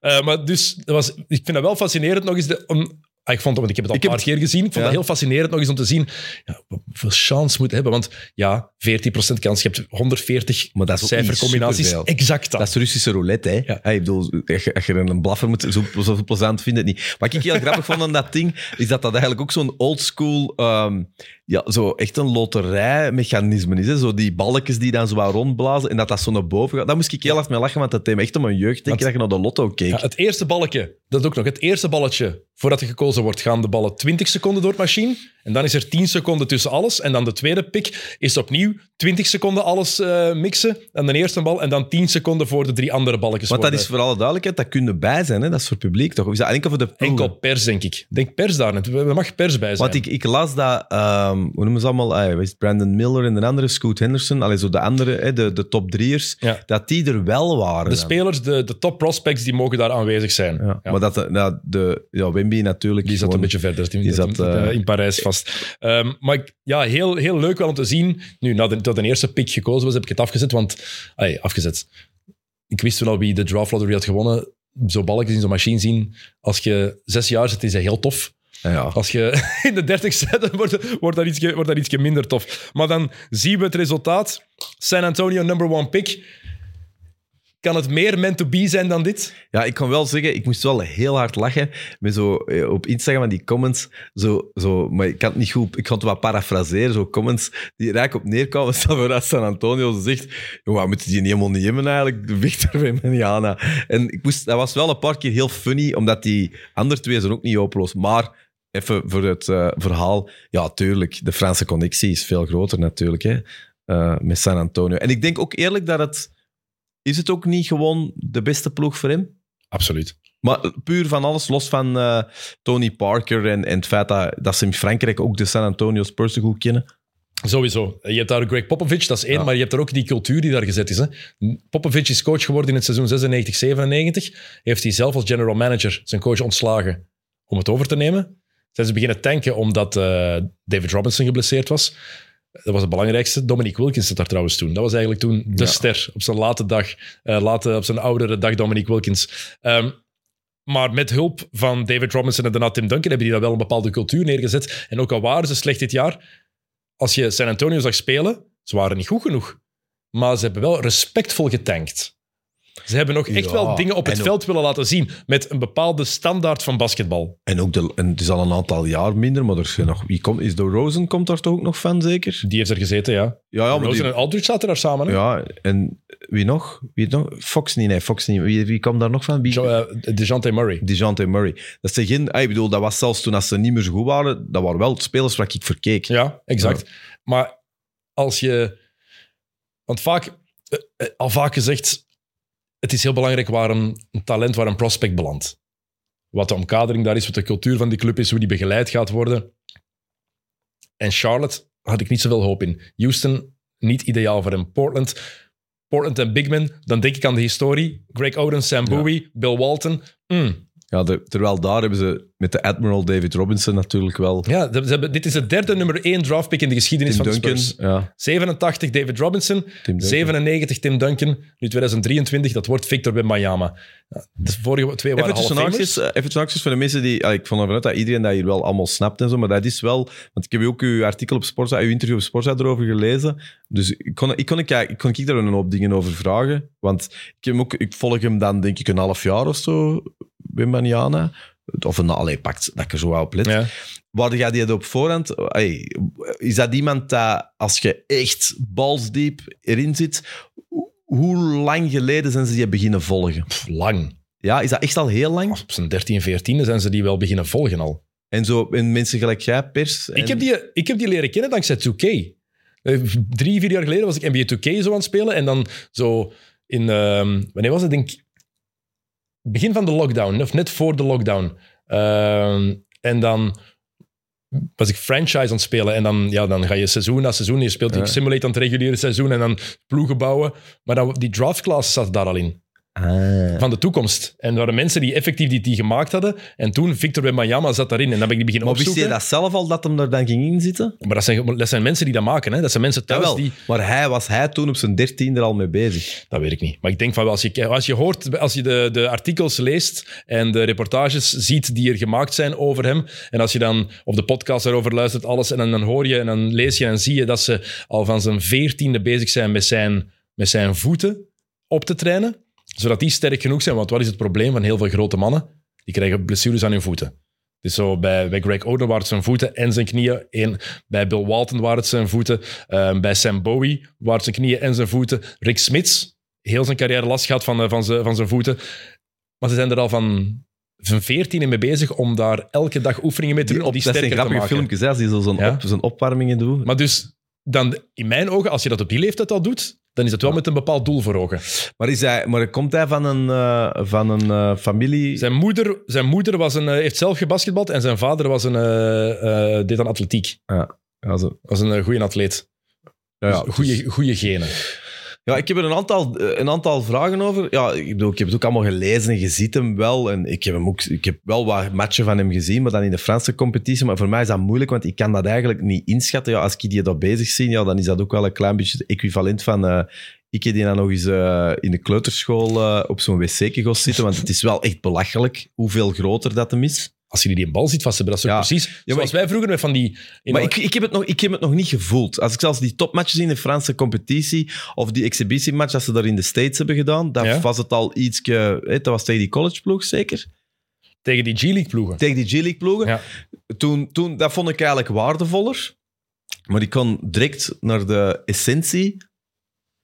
Mega goede mega goeie basketter. Volgend seizoen San Antonio tegen, me vernoemd, Memphis Grizzlies. Die stond er onder, eh, onder de ring en Steven Adams boxing out. Ligt hij in de tribune of kan hij dat tegen? Maar die gaat daar niet op verdedigen. Dat gaat, volgens mij gaat, ze gaan die niet zo gebruiken. Ik denk dat we meer de vergelijking met Kevin Durant moeten maken. Ah, of, ah, dus dat dat geen vijf wordt, dat dat geen center wordt. Misschien in defense, misschien wel. Maar wordt dat meer een Anthony Davis dan dat dan... eh, zo, want dan moest ik ook wel een beetje aan denken. Ja, Zo, maar ik snap het wel. je- Door zijn lichaamsbouw bedoel je. Ja, en ook Davis is beiden, maar dat is ook een gast, een goede shot en ah, maar, Dave- bewegelijk. maar Davis is geen 2,25 meter. Hè? Die, Ja, gast, die gast is toch te groot voor geen center te zijn? maar dit is, we hebben dit nog nooit gezien. Hè? Dat, is, dat is het hele. Dat maakt dit zo interessant. Fascinerend. Dat maakt dit zo fascinerend en intrigerend. Wat is dit? Maar hoeveel weegt je? Ken, ken- ken je dat van eh, Els Amper, dat filmpje? Ja. Wat is dit? Ah, wel, eigenlijk zouden ze dat altijd moeten zetten. Wauw, wat is dit? Dat moeten ze eigenlijk Zeker met zo wat buiten, met wat wind in dat gezicht. Kijk. Het zou wel grappig zijn als, als Ampe dat nu maakt over... Of dat iemand dat zo wat Photoshop. Gewoon elke keer als uh, Miami volgend jaar wordt eh, voorgesteld voor de San Antonio Spurs, eerst ze houden die een jumbotron. Wat is dit? dit? En dan, dan, dan komt hij in voorschijn. Ah, dat is wel interessant dat je dat zegt. Zo had ik het niet gezien Ik eigenlijk. weet, maar Want ik- ik, zie het enige wat ik nog die gast zie, ik zie die bezig, hij kan shotten, drie punters. Ik, ik moet ook eerlijk zeggen, ik wil niet een hater zijn of zo. hè, Want, want maar je mag. Maar ik, ik heb wel zoiets, ik vind dat een beetje te groot. Ik vind dat een beetje een freak of nature. Het is niet Boban, eh, eh, dat voelt ook wel dat hem, dat hem iets beter... eh, het is geen bird effect, hè, dat voelt ook wel. Maar ik zit wel naar de gasten zien, als je de deur niet dicht doet, dan vliegt hem buiten. Allee, zo... Het is zo... Een, een tocht... eh, die, Maar hij in- komt mij niet stabiel sterk over. In offense gaat dat geen probleem zijn. Ben ik van overtuigd. Kevin Durant, weet je wat de kritiek voor Kevin Durant was in de voor de draft van 2007? Er heeft niemand zo weinig ooit gebenched in de draft combine als KD. Ooit. En dan was het, als hij dan maar kan benchen, wat gaat die doen in de NBA? En dan begon hij te spelen. Dan, ah, die gaat dat doen in de NBA. Oeh, die kan dat. Miami is 2,25 meter. 26. Of 26, 27, whatever. 7'5. Die is in een release. Met zijn armen. heeft een gigantische wingspan. Heeft een wingspan van, wat is het, 2,40 meter? Heb je dat gezien, dat hem dat, dat, shot mist en tegelijk er terug in duwt? Dat was belachelijk. Ik- dus, dus mensen kunnen nu al niks tegen Kevin Durant zijn shot doen. Dus hij uit de tweede lijn langs achteraf blokken. Ja, maar dat is altijd raar. Eh, ah, dat gebeurt niet veel. Wat ga je tegen bij Miami doen? Geen idee. Niks. En die kan zijn eigen shot creëren. En die kan dat doen van achter de driepuntlijn. En van twee meter achter de driepuntlijn. En op één been. En die heeft hij een drive. En die heeft een skyhook. En die heeft een babyhook. En die heeft een Hoe midrange. zijn die zijn En die- blockshots? Hm? Hoe zijn die zijn Daarom, ik zeg, daarom dat ik zeg in aanval. En die heeft een bankshot. In aanval heeft hij alles. Ik ben er heilig van overtuigd dat hij... Die gaat daarin evolueren. Maar ik denk als je die juist gebruikt... Daarom is Popovic de beste optie daarvoor. Omdat hij perfect gaat aanvoelen. Daar ga ik hem gebruiken. Zo ga ik hem gebruiken. Ik zie heel veel Kevin Durant gelijkenissen qua lichaam in aanval. Hij kan veel meer, want die mens is twee meter in de twintig begot. Dat is, ja, wat, dat is belachelijk. En die kan al die dingen. In defense, geweldige timing voor zijn shotblok. Heeft een wingspan van 2 meter 35, 36. Dus sta daar ook maar eens. Goede timing, is bewegelijk, gaat snel omhoog en gaat, kan, heeft snel die, die second jump op power. Dat is misschien nog iets anders, want je zegt Steven Adams, maar ik denk dan meer aan Joel Embiid. Je zei, daar straks hadden we het over ik domineren. Adams, ja, ik bedoelde gewoon... Een, een- Ja, ja. een Maar zo'n mannen, Ja, ja. die ook nog die Maar ik, skills denk, hebben. maar ik denk bijvoorbeeld ook... Oké, ik kon niet. Ik denk bijvoorbeeld ook aan... Uh, noem eens een harde speler. Uh, Draymond Green. Ik zal hem misschien niet... gewoon, gewoon, gewoon lichaam tegen lichaam. Eh, ik bedoel, je ziet hem... Gaat hij niet heel veel... Gaat hij niet heel veel uh, gaan ze er niet hard tegen Maar spelen? Maar ik denk, denk dat ze in Frankrijk niet doen. En dat is het voordeel dat die... eh, Ja, maar in Frankrijk lopen er niet zo monsters rond. Hè? fysiek lopen er ook wel beesten rond. En Ja. zeker mannen die het ook hard willen spelen. En hij heeft vorig jaar Euroleague gespeeld. Dit jaar niet. Maar dat is het voordeel. Dat was ook een van de voordelen van Luka Doncic. hè. Die kwam in de NBA, maar dat had tegen volwassen mannen gespeeld. Ja. Veel van die andere gasten niet. Van de andere top. Van de andere toptalenten. In de G-League, ja, dat is de G-League, maar dat is nog altijd veel minder dan competitie die je in de Euroleague tegenkomt. Of in mijn ogen zelfs dan die die je tegenkomt in de, in de Franse competitie. Ik schat de Franse competitie hoger in dan de G-League. Echt, Ja, daar geloof ik u volledig in. Absoluut. Ik, heb niet, ik weet het niet, maar ik geloof u erin. Als jij dat zegt, dan is dat zo. En ik, weet, ik, denk dat, ik, denk dat dat geen, ik denk dat zijn lichaam geen probleem gaat zijn. Waar ik me wel, enige waar ik me zorgen over maak, maar dat is bij al die mannen, hoe gaan die die 82 matchen verteren? Ja, dus en dat is toch iets anders, want dat is een andere soort belasting op By je the lichaam. way, hè? is die volgroeid? Dat weet ik niet. Want die is niet oud, hè? Nee, die, natuurlijk, die is 19 Wanneer stopt hij met groeien? op 21ste. Dat stel je voor. Ja, Janis, Janis is Dat nog... hij, eigenlijk dat hij nog een scheut moet kijken. Die is zo 2 meter 61 of zo. En Janis is nog 8 centimeter of 7 centimeter gegroeid in zijn eerste twee Ja, jaar maar in de Janis NBA. is wel een andere atleet. Ja, hè. maar qua lengte ook. Hè? Ja. Die, is nog 7 centimeter bijgekomen. Ja, ik vind hem gewoon zo. Er is, ja, er is, ik, ik, wat ik wel ongelooflijk vind, is. eh, en ik kan het misschien slecht uitdrukken, dus ik hoop dat je me niet gaat uitlachen. Wat ik heel cool vind als je die bezig ziet, ik vind dat hij het spel vertraagt. Nu al. Ja, in de zin van. Dus de, omdat hij zo groot is. Want als ik, als ik die zie shotten en doen. Natuurlijk, hij speelt in een andere competitie. Ik ben dus ben al benieuwd hoe dat hem dat in Amerika gaat kunnen doen. Maar die net die een bal. Ook die pakt. Ik vind dat hij weinig snelle shots zo neemt. Ik bedoel, die is niet, niet Ja, ja. traag, maar die, die bepaalt wanneer dat die release is. Maar hij gaat net meer tijd en ruimte krijgen in de NBA. Hè? Zeker in het reguliere seizoen. Het is gemakkelijker scoren in de NBA dan in Europa. Maar jij wilt zeggen, die gaat, die gaat, gaat, gaat er veel screens op moeten... Hij gaat er veel screens moeten... eh, gaat hij veel in positie gezet moeten worden? Of denk jij dat hij dat niet nodig heeft? Ik denk dat hij dat niet nodig heeft. Maar da- daarom dat ik het zo interessant vind, dat hij, dat, daarom dat ik zo blij ben dat hij naar San Antonio gaat. Omdat we alle opties gaan zien. Popovic gaat er wel voor zorgen met zijn coachingstaf en, en de omkadering die daar is, die gaan ze hem wel in de juiste positie zetten. En het gaat heel interessant worden om die eerste 40, 50 matchen op te zien wat ze gaan proberen daarmee. Want ze gaan dingen experimenteren. De Spurs moeten volgend jaar nog niet winnen. Hè? Kan die verliezen? Hij eigenlijk al verloren? Ver- Ja, maar dat is, ja, dat is moeilijk om te zeggen. Ja, heeft hij een tegenslag al gehad? Is hij ooit al in een kamer geweest met iemand dat hij een... Dat hij, dat hij een pa- Want toen die match tegen de G-Leaguers of zo, toen hebben ze niet gewonnen, dacht ik. Maar hij was wel... Hij heeft de finale van het WK U18 verloren Tegen? tegen de USA. Ah ja. Maar hij was wel... een lag niet aan aan hem. het veld, lag Ja. niet aan hem. Nee, nee. Dus ja, heeft dat wel verloren. Is dat tegenslag? Nee, dat is anders. En, het, eh, eh, en wat denkt je van een, eh, en hoe strak is die mentaal? Want bedoel, het is Ah, wel wel. van LeBron geleden dat de gast mag eigenlijk niet falen. Hè? Er staat een geweldige kop op.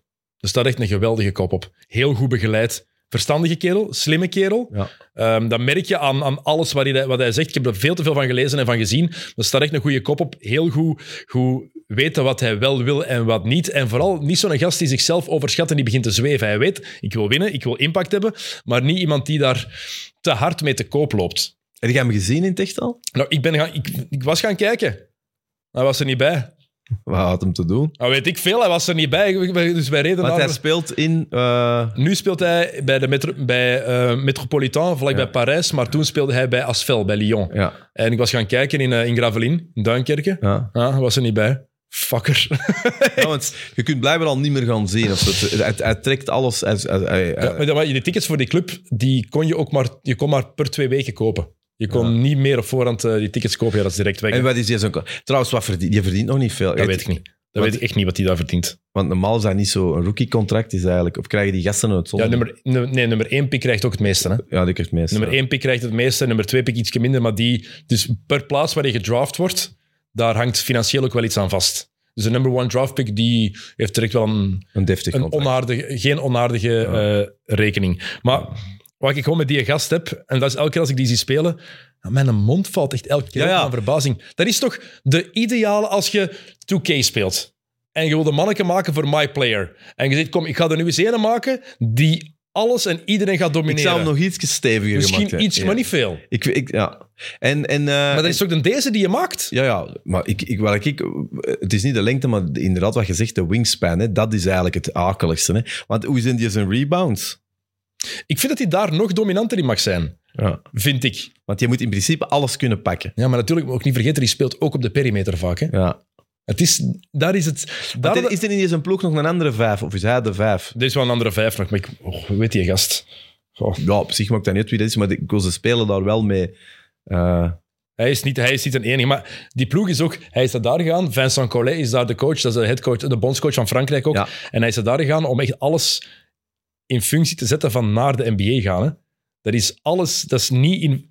Ze willen succes hebben in Frankrijk, maar dat is niet het, het, einddoel. het einddoel. Het doel is, we gaan er alles aan doen om zoveel mogelijk te doen eh, werken aan zijn, aan zijn weg naar de NBA. Ook, hij is weggegaan van een ploeg die Euroleague speelde, met Lyon, om naar een ploeg te gaan die niet Europees speelde.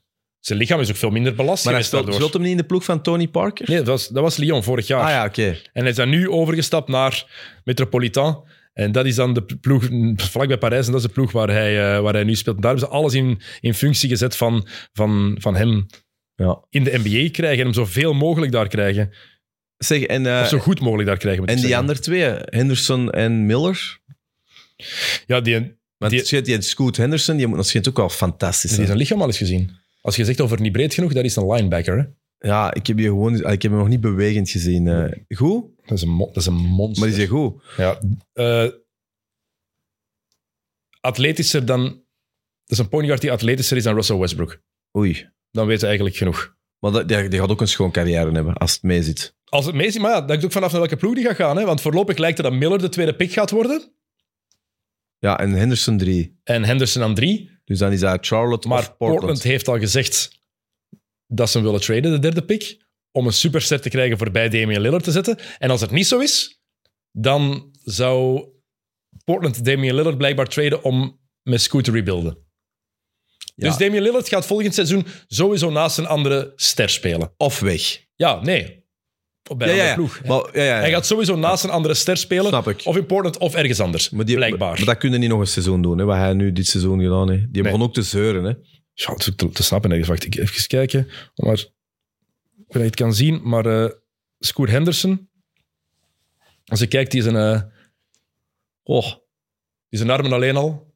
Het is een absoluut monster. ook goede statistieken. Hè, Ja, er zit veel, er zit veel Westbrook in, er zit wat Ja Morant in. Ehm, ik wil zien hoe het zich gaat vertalen op het grootste hoogste niveau en ook waar hij belandt. Bijvoorbeeld komt hij naast LaMelo Ball terecht bij Charlotte. Dan wil ik het nog wel eens zien bij Portland en gaan ze daar goed rond hem bouwen. Dan vind ik het veel interessanter weer. En Miller, ja, die is een off-court situatie, is een probleem. Want dat is een toptalent, beste speler in college eigenlijk dit jaar, of van de, van de, van de jonge talenten.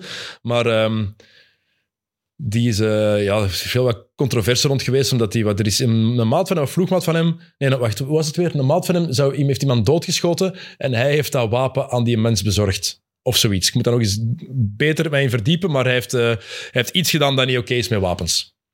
En niet zomaar mee op Instagram lives te zwieren. Ja, Dennis. Ja, de dingen had een goede. Wie, was, wie had de quote? Dat? Ah, D'Angelo Russell, denk ik. Hè? Die had de quote zeker. Zo, uh, D'Angelo Russell, uh, wat je dan nou weer? Ja, if you can't change the people around you, bla bla bla, change the people Kijk. around you. Zoiets was het. Want D'Angelo Russell heeft ook wat uitgangen vroeger. Blijkbaar had, eh, heeft Miller eh, had hij blijkbaar het, het geweer gekocht dat een ploegmaat van hem gebruikt heeft om een vrouw te, om een vrouw te vermoorden. Nu, dat is, onderzoek is ook nog altijd eh, aan de gang. En, maar dat is wel iets dat hem natuurlijk gaat achtervolgen. Dat is niet goed, hè? Dat is inderdaad niet goed. Ehm, maar ja, We'll see.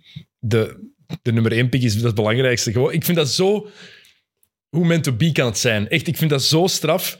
Frankrijk is, was altijd al een groter basketland dan, dan België bijvoorbeeld. Maar ja, Tony Parker heeft dat nog meer ver, ver, ver- vergroot En die, natuurlijk. na- wie zat dan ook bij Boris? naam? Boris Diaw, Nando De Colo heeft daar even gezeten. Ja, andere Fransman in de NBA. Je hebt Nicolas Batum natuurlijk gehad. eh, Fournier daarvoor, weet hem. Tariq Abdul-Wahad, daarvoor Olivier Saint-Jean. Ja. Dat was bij Sacramento. Ik denk dat hij een van de eerste Fransmannen was die echt zo in de, in de NBA bekend is geworden. Maar dit is voor bij Miami de echte ideale bestemming. En wat ook niet helpt, denk ik... Oké, sociale media, alles komt in het nieuws. Maar het is, het is en blijft San Antonio. Hij komt niet in New York terecht of in, of in Of Californië in LA terecht. of in... Of in eh, ja. ja, ik ben wel... Ik, het is, ik vond het wel tof. En hij was zelf ook vooral heel blij. Heb je zijn reactie gezien Ja. toen bleek dat Houston de nummer 4 pick had? Ja. Zo, echt opgelucht. ja, want je kunt dat toch niet weigeren? Hij ging dat sowieso niet doen. Mag je, mogen dat weigeren? Je mag alles zeggen. Ik blijf nog een jaar in Europa. Maar je kunt niet zeggen, ik ga naar San Antonio. Je kunt niet... Je kunt, je, je kunt je dreigen, hè? Eh, Ding, wie is de laatste dat gedaan heeft? Steve Francis. Ja. Draft 2 1999. Als tweede gedraft door Vancouver. Dat had gezegd, ik wil niet naar de Grizzlies. Werd dan gedraft met zijn een bakken staat op de grond. En uiteindelijk is hij naar Houston getrade. Omdat hij duidelijk maakte, ik ga niet naar Canada verhuizen. Ik kun mij draften. Ik kom niet. Dan, dan zit ik wel gewoon een jaar uit. Kan me niet schelen. Ja. ja, dat was nu niet het geval. Hè. Er, stonden veel, er stonden veel comments onder van dat het bijna gescript leek. Het was zo schoon dat het bijna gescript leek. Maar dat wordt ook soms gezegd dat zo de Amerikaanse sporten gescript zijn. Er wordt zo mee gelachen. De NFL, alles is in, in scène gezet. NBA. Ja, dit scenario San Antonio number one pick. Opnieuw een big man. Het kan niet meer gescript lijken dan dat. Dat is gewoon. Ik ben wel in ieder geval, eh, ik kijk er wel naar uit. Ik bedoel, eh, vooral ook zijn fysiek, hè, hoe groot dat hem is. Maar ik wil hem ook eens, ik wil hem gewoon eens graag zien. Niet meer in de Frans, maar hoe dat hem zal zich verhouden in een echte match. En als je dan kijkt ook naar wat daar rondloopt. Ze hebben veel cap space. Natuurlijk, naar San Antonio gaan is geen... Niet, niet iedereen gaat dat willen. Maar misschien wel als hij er zit. Nog niet het eerste jaar, denk ik. Maar dat kan snel gaan. hè. Dat kan Dat kan in februari al een ander verhaal zijn. Hè? Dat kan, dat kan zeker. Als je kijkt... Want is hij eigenlijk even... weet, je, je, gro- weet je wie de grootverdiener daar is? eh, nu... Bij San Antonio. Nee, geen idee. Doc McDermott. Oei. 13,7 miljoen. 13. Is goed, hè? Dat is het meeste wat daar, wat Maar, daar hebben- maar verdient. hebben die niet 12 first-round picks of zo? Die hebben veel, hè? Ik weet niet of die in picks precies zijn. Die, hebben- die, die, zo de volgende jaar die hebben er echt belachelijk veel. Eens kijken. Future picks. First, 12 first-round picks, denk je dat die hebben. Ehm, wacht, hè. Dus dit jaar hebben ze hun eigen pick en dan een paar tweede ronde picks zijn van Toronto van zichzelf. Volgend jaar hebben ze... Ho, ho, ho. Die hebben volgend jaar Veel, hè? hun eigen pick, die van de Hornets, die van Toronto. Ja, ja ik, heb dat, ik heb dat gelezen. Dat Het is- jaar daarna, 2025, hun eigen pick, die van Atlanta en die van Chicago. ja, die komen echt aan 12 op de volgende vier jaar of zo. 2026, eigen pick en die van Atlanta. 2027, eigen pick, die van Atlanta. Die, eh, de, Ja. de toekomst, ze gaan inderdaad met hun picks gaan ze moves kunnen doen. Ze hebben cap space, ze gaan wel iets kunnen binnenhalen waar ze mee kunnen traden. En ze hebben in mijn ogen drie goede mensen daar rond zitten. Die nu al die ze moeten bijhouden. Keldon Johnson, Ja, eh, Jeremy Sohan en Devin Vassell. Ja. Drie ja. vleugels, drie forwards waar ze echt wel iets mee kunnen doen. ja en die ook al- Wembanyama als de jonge kern en kan, bouw daar nog iets rond. En misten ze ervaring? Maar ze hebben Greg Popovich op de bank zitten. Hè? Dat is waar. Die gaan... Meer ervaring kan je eigenlijk niet hebben. Nee. Nee, is waar. En ik denk wel dat ze... iemand- Daarom, bij heel van die jonge ploegen waar zo geen ervaren speler zit, maak je je wat zorgen. Bij San Antonio heb ik dat nooit, dat gevoel. Want ze hebben Popovich. Dus ja, kijk.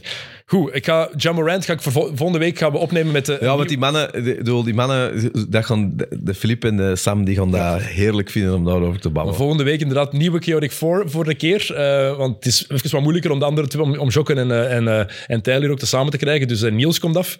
Ehm, samen met Sam Kerkhoffs en Joris. enfin, Joris en Filip Joos. Dat is niet slecht, hè? Dat is niet slecht. Dat gaat tof worden. Dat is veel voetbal. Maar alles is voetbal. Zeg, misschien om te eindigen. Ja. ehm, misschien kun je, al eens, eh, kun je misschien al eens even checken wanneer is eh, ja, de, de Game 7 in de finals. Want ja, de Ja. dag nadien moeten we reserveren. Hè. Ik heb hier de Jane openstaan. Ehm, Wacht, hè? trouwens, weet je dat? Ik, ik ga niet zeggen wie, maar weet je dat wij voor vier moeten reserveren? Ja, ik, ik heb het gehoord. Is dat iets dat hier mag gezegd worden? Nee, hè? Ik weet het niet. Ik heb gewoon gehoord voor vier. We gaan, niet, we gaan geen namen noemen. Maar er komen, laten we het zo zeggen, dat mogen wij wel spoilen. er is in andere sporten precies ook wat eh, bold statement gewijs gewet, heb ik de indruk, niet? Eindelijk. Hè? Eindelijk beginnen ze mee te doen. Eh, game 7 is, als die gespeeld moet worden, Ja. 18 juni. 18 juni. Wel, maar dan gaan we... Ik heb hier vrijdag 23 juni. Of is dat vol dan? Wacht, hè. Kan eens zien. Kunnen daar zelfs nog maar zomaar... Ik heb hier donderdag 22 juni. Het kan allebei voor mij. Zullen donderdag 28... Wat uur pakken we? Twee- donderdag 22. Ik kan het hier gewoon zitten.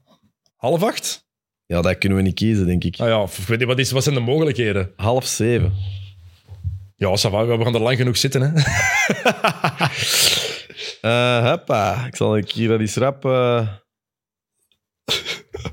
Maar ik moet hier keihard... Kun je even zo vol babbelen? Want ik moet hier alles... eh, gaan Ja, maar ik ga je gewoon laten reserveren, want ik denk... Ja, maar het moet wel echt automatisch hier gebeuren. hè. Ja, voilà. Maar ik, vooral, volgende week gaan we het nog over, eh, uitgebreider over Wembanyama hebben. Gaat sowieso aan bod komen. Jamorant, hè, wat die weer gedaan heeft, gaan we het over hebben. De Knicks wil ik het nog over hebben. De Denver Nuggets, wat Nikola Jokic, wat die weer allemaal doet. Ah, ik ben fan van die mens. Janis, die zich uitgesproken heeft dat hem beu is, dat hem eh, eh, zo weinig respect krijgt. Damian Lillard en zijn eh, toekomst. En dan de conference finals, wat er gaat, eh, nog allemaal gaat gebeuren. Toekomst van de Warriors eventueel nog. Ik denk dat er volgende week ook veel behandeld gaat worden. Eh, maar hier, 2,5 uur, ik denk dat we, genoeg, dat we over genoeg gezeverd hebben vandaag. En dan vooral heel blij dat de, de condities van onze weddenschap nu duidelijk zijn. Dat Wacht we nu wacht wacht wacht zijn. Donderdag 22 juni. Half zeven. Vier personen, en dat is nog een goeie trouwens, hè, want we weten wat dat is, gaat volgende week wel lachen zijn. Als uh, mensen die luisteren, volgende, week, uh, volgende keer zeker luisteren, want dat zijn ook twee sukkelaars die hun eigen... of er is sowieso één iemand die zichzelf uh, ook gratis gaat volvreten in de Jane. Amai, dat gaat pijnlijk zijn. Ai, ai. Hoppa! Ik ben vrij een dag erna. Ik moet hier al direct mijn, uh, mijn, uh, mijn kredietkaart erbij zetten. Maar dat zullen we doen. Ik zal eerst afscheid nemen van de mensen. Dat zullen we doen, het ligt vast. Dat is belangrijk. Bevestig reservering.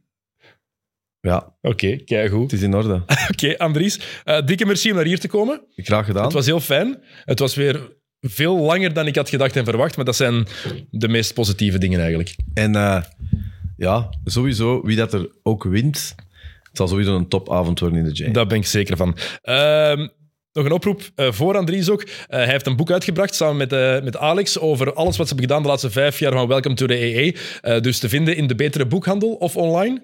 Allebei. En wat is online het adres dat ze naartoe moeten gaan? online is het adres www. Ah, kijk, Maxime. www.ttaa.be, de afkorting van de podcast. En er zijn ook gesigneerde versies te verkrijgen.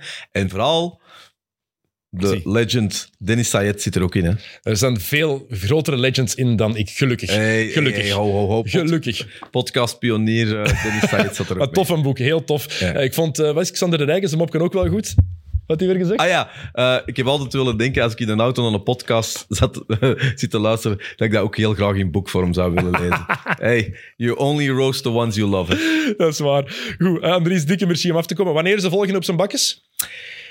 Um, hij zal er zijn wanneer zal zijn, want dat is altijd een heel... Uh, dat is, uh, het, de agenda's samen krijgen is moeilijker dan de Jane reserveren. Dat kan ik ook al vertellen. Maar het zal sowieso ergens 6, 5, 6, 7 juni zijn, want we moeten voor de volgende pay-per-view Oké, okay, kijk goed. er was deze week ook weer een kick and rush natuurlijk. Um, er was een mid-mid met Karel Hoefkes. 90 minutes. De Aster is hier nog altijd nog even in deze zetel. Um, we gaan het seizoen sowieso nog afmaken. Heb ik nog iets, ben ik iets vergeten? Nee? Nee, vals plat is voor na de Giro zeker, dat die terugkomen. Um, en voilà, dat is het. Volgende week zijn we dus terug. Dan gaan we op vrijdag opnemen. Dan gaan we vrijdag namiddag opnemen met Sam, met Filip en uh, met Niels. En hopelijk de week daarna uh, de traditionele Chaotic 4 als preview van de finals. Dat zou toch de bedoeling zijn. Um, en dan, uh, ja, kijk, dan zien we wel verder hoe het verloopt. Merci voor het kijken, voor het luisteren. Tot de volgende keer. Salut.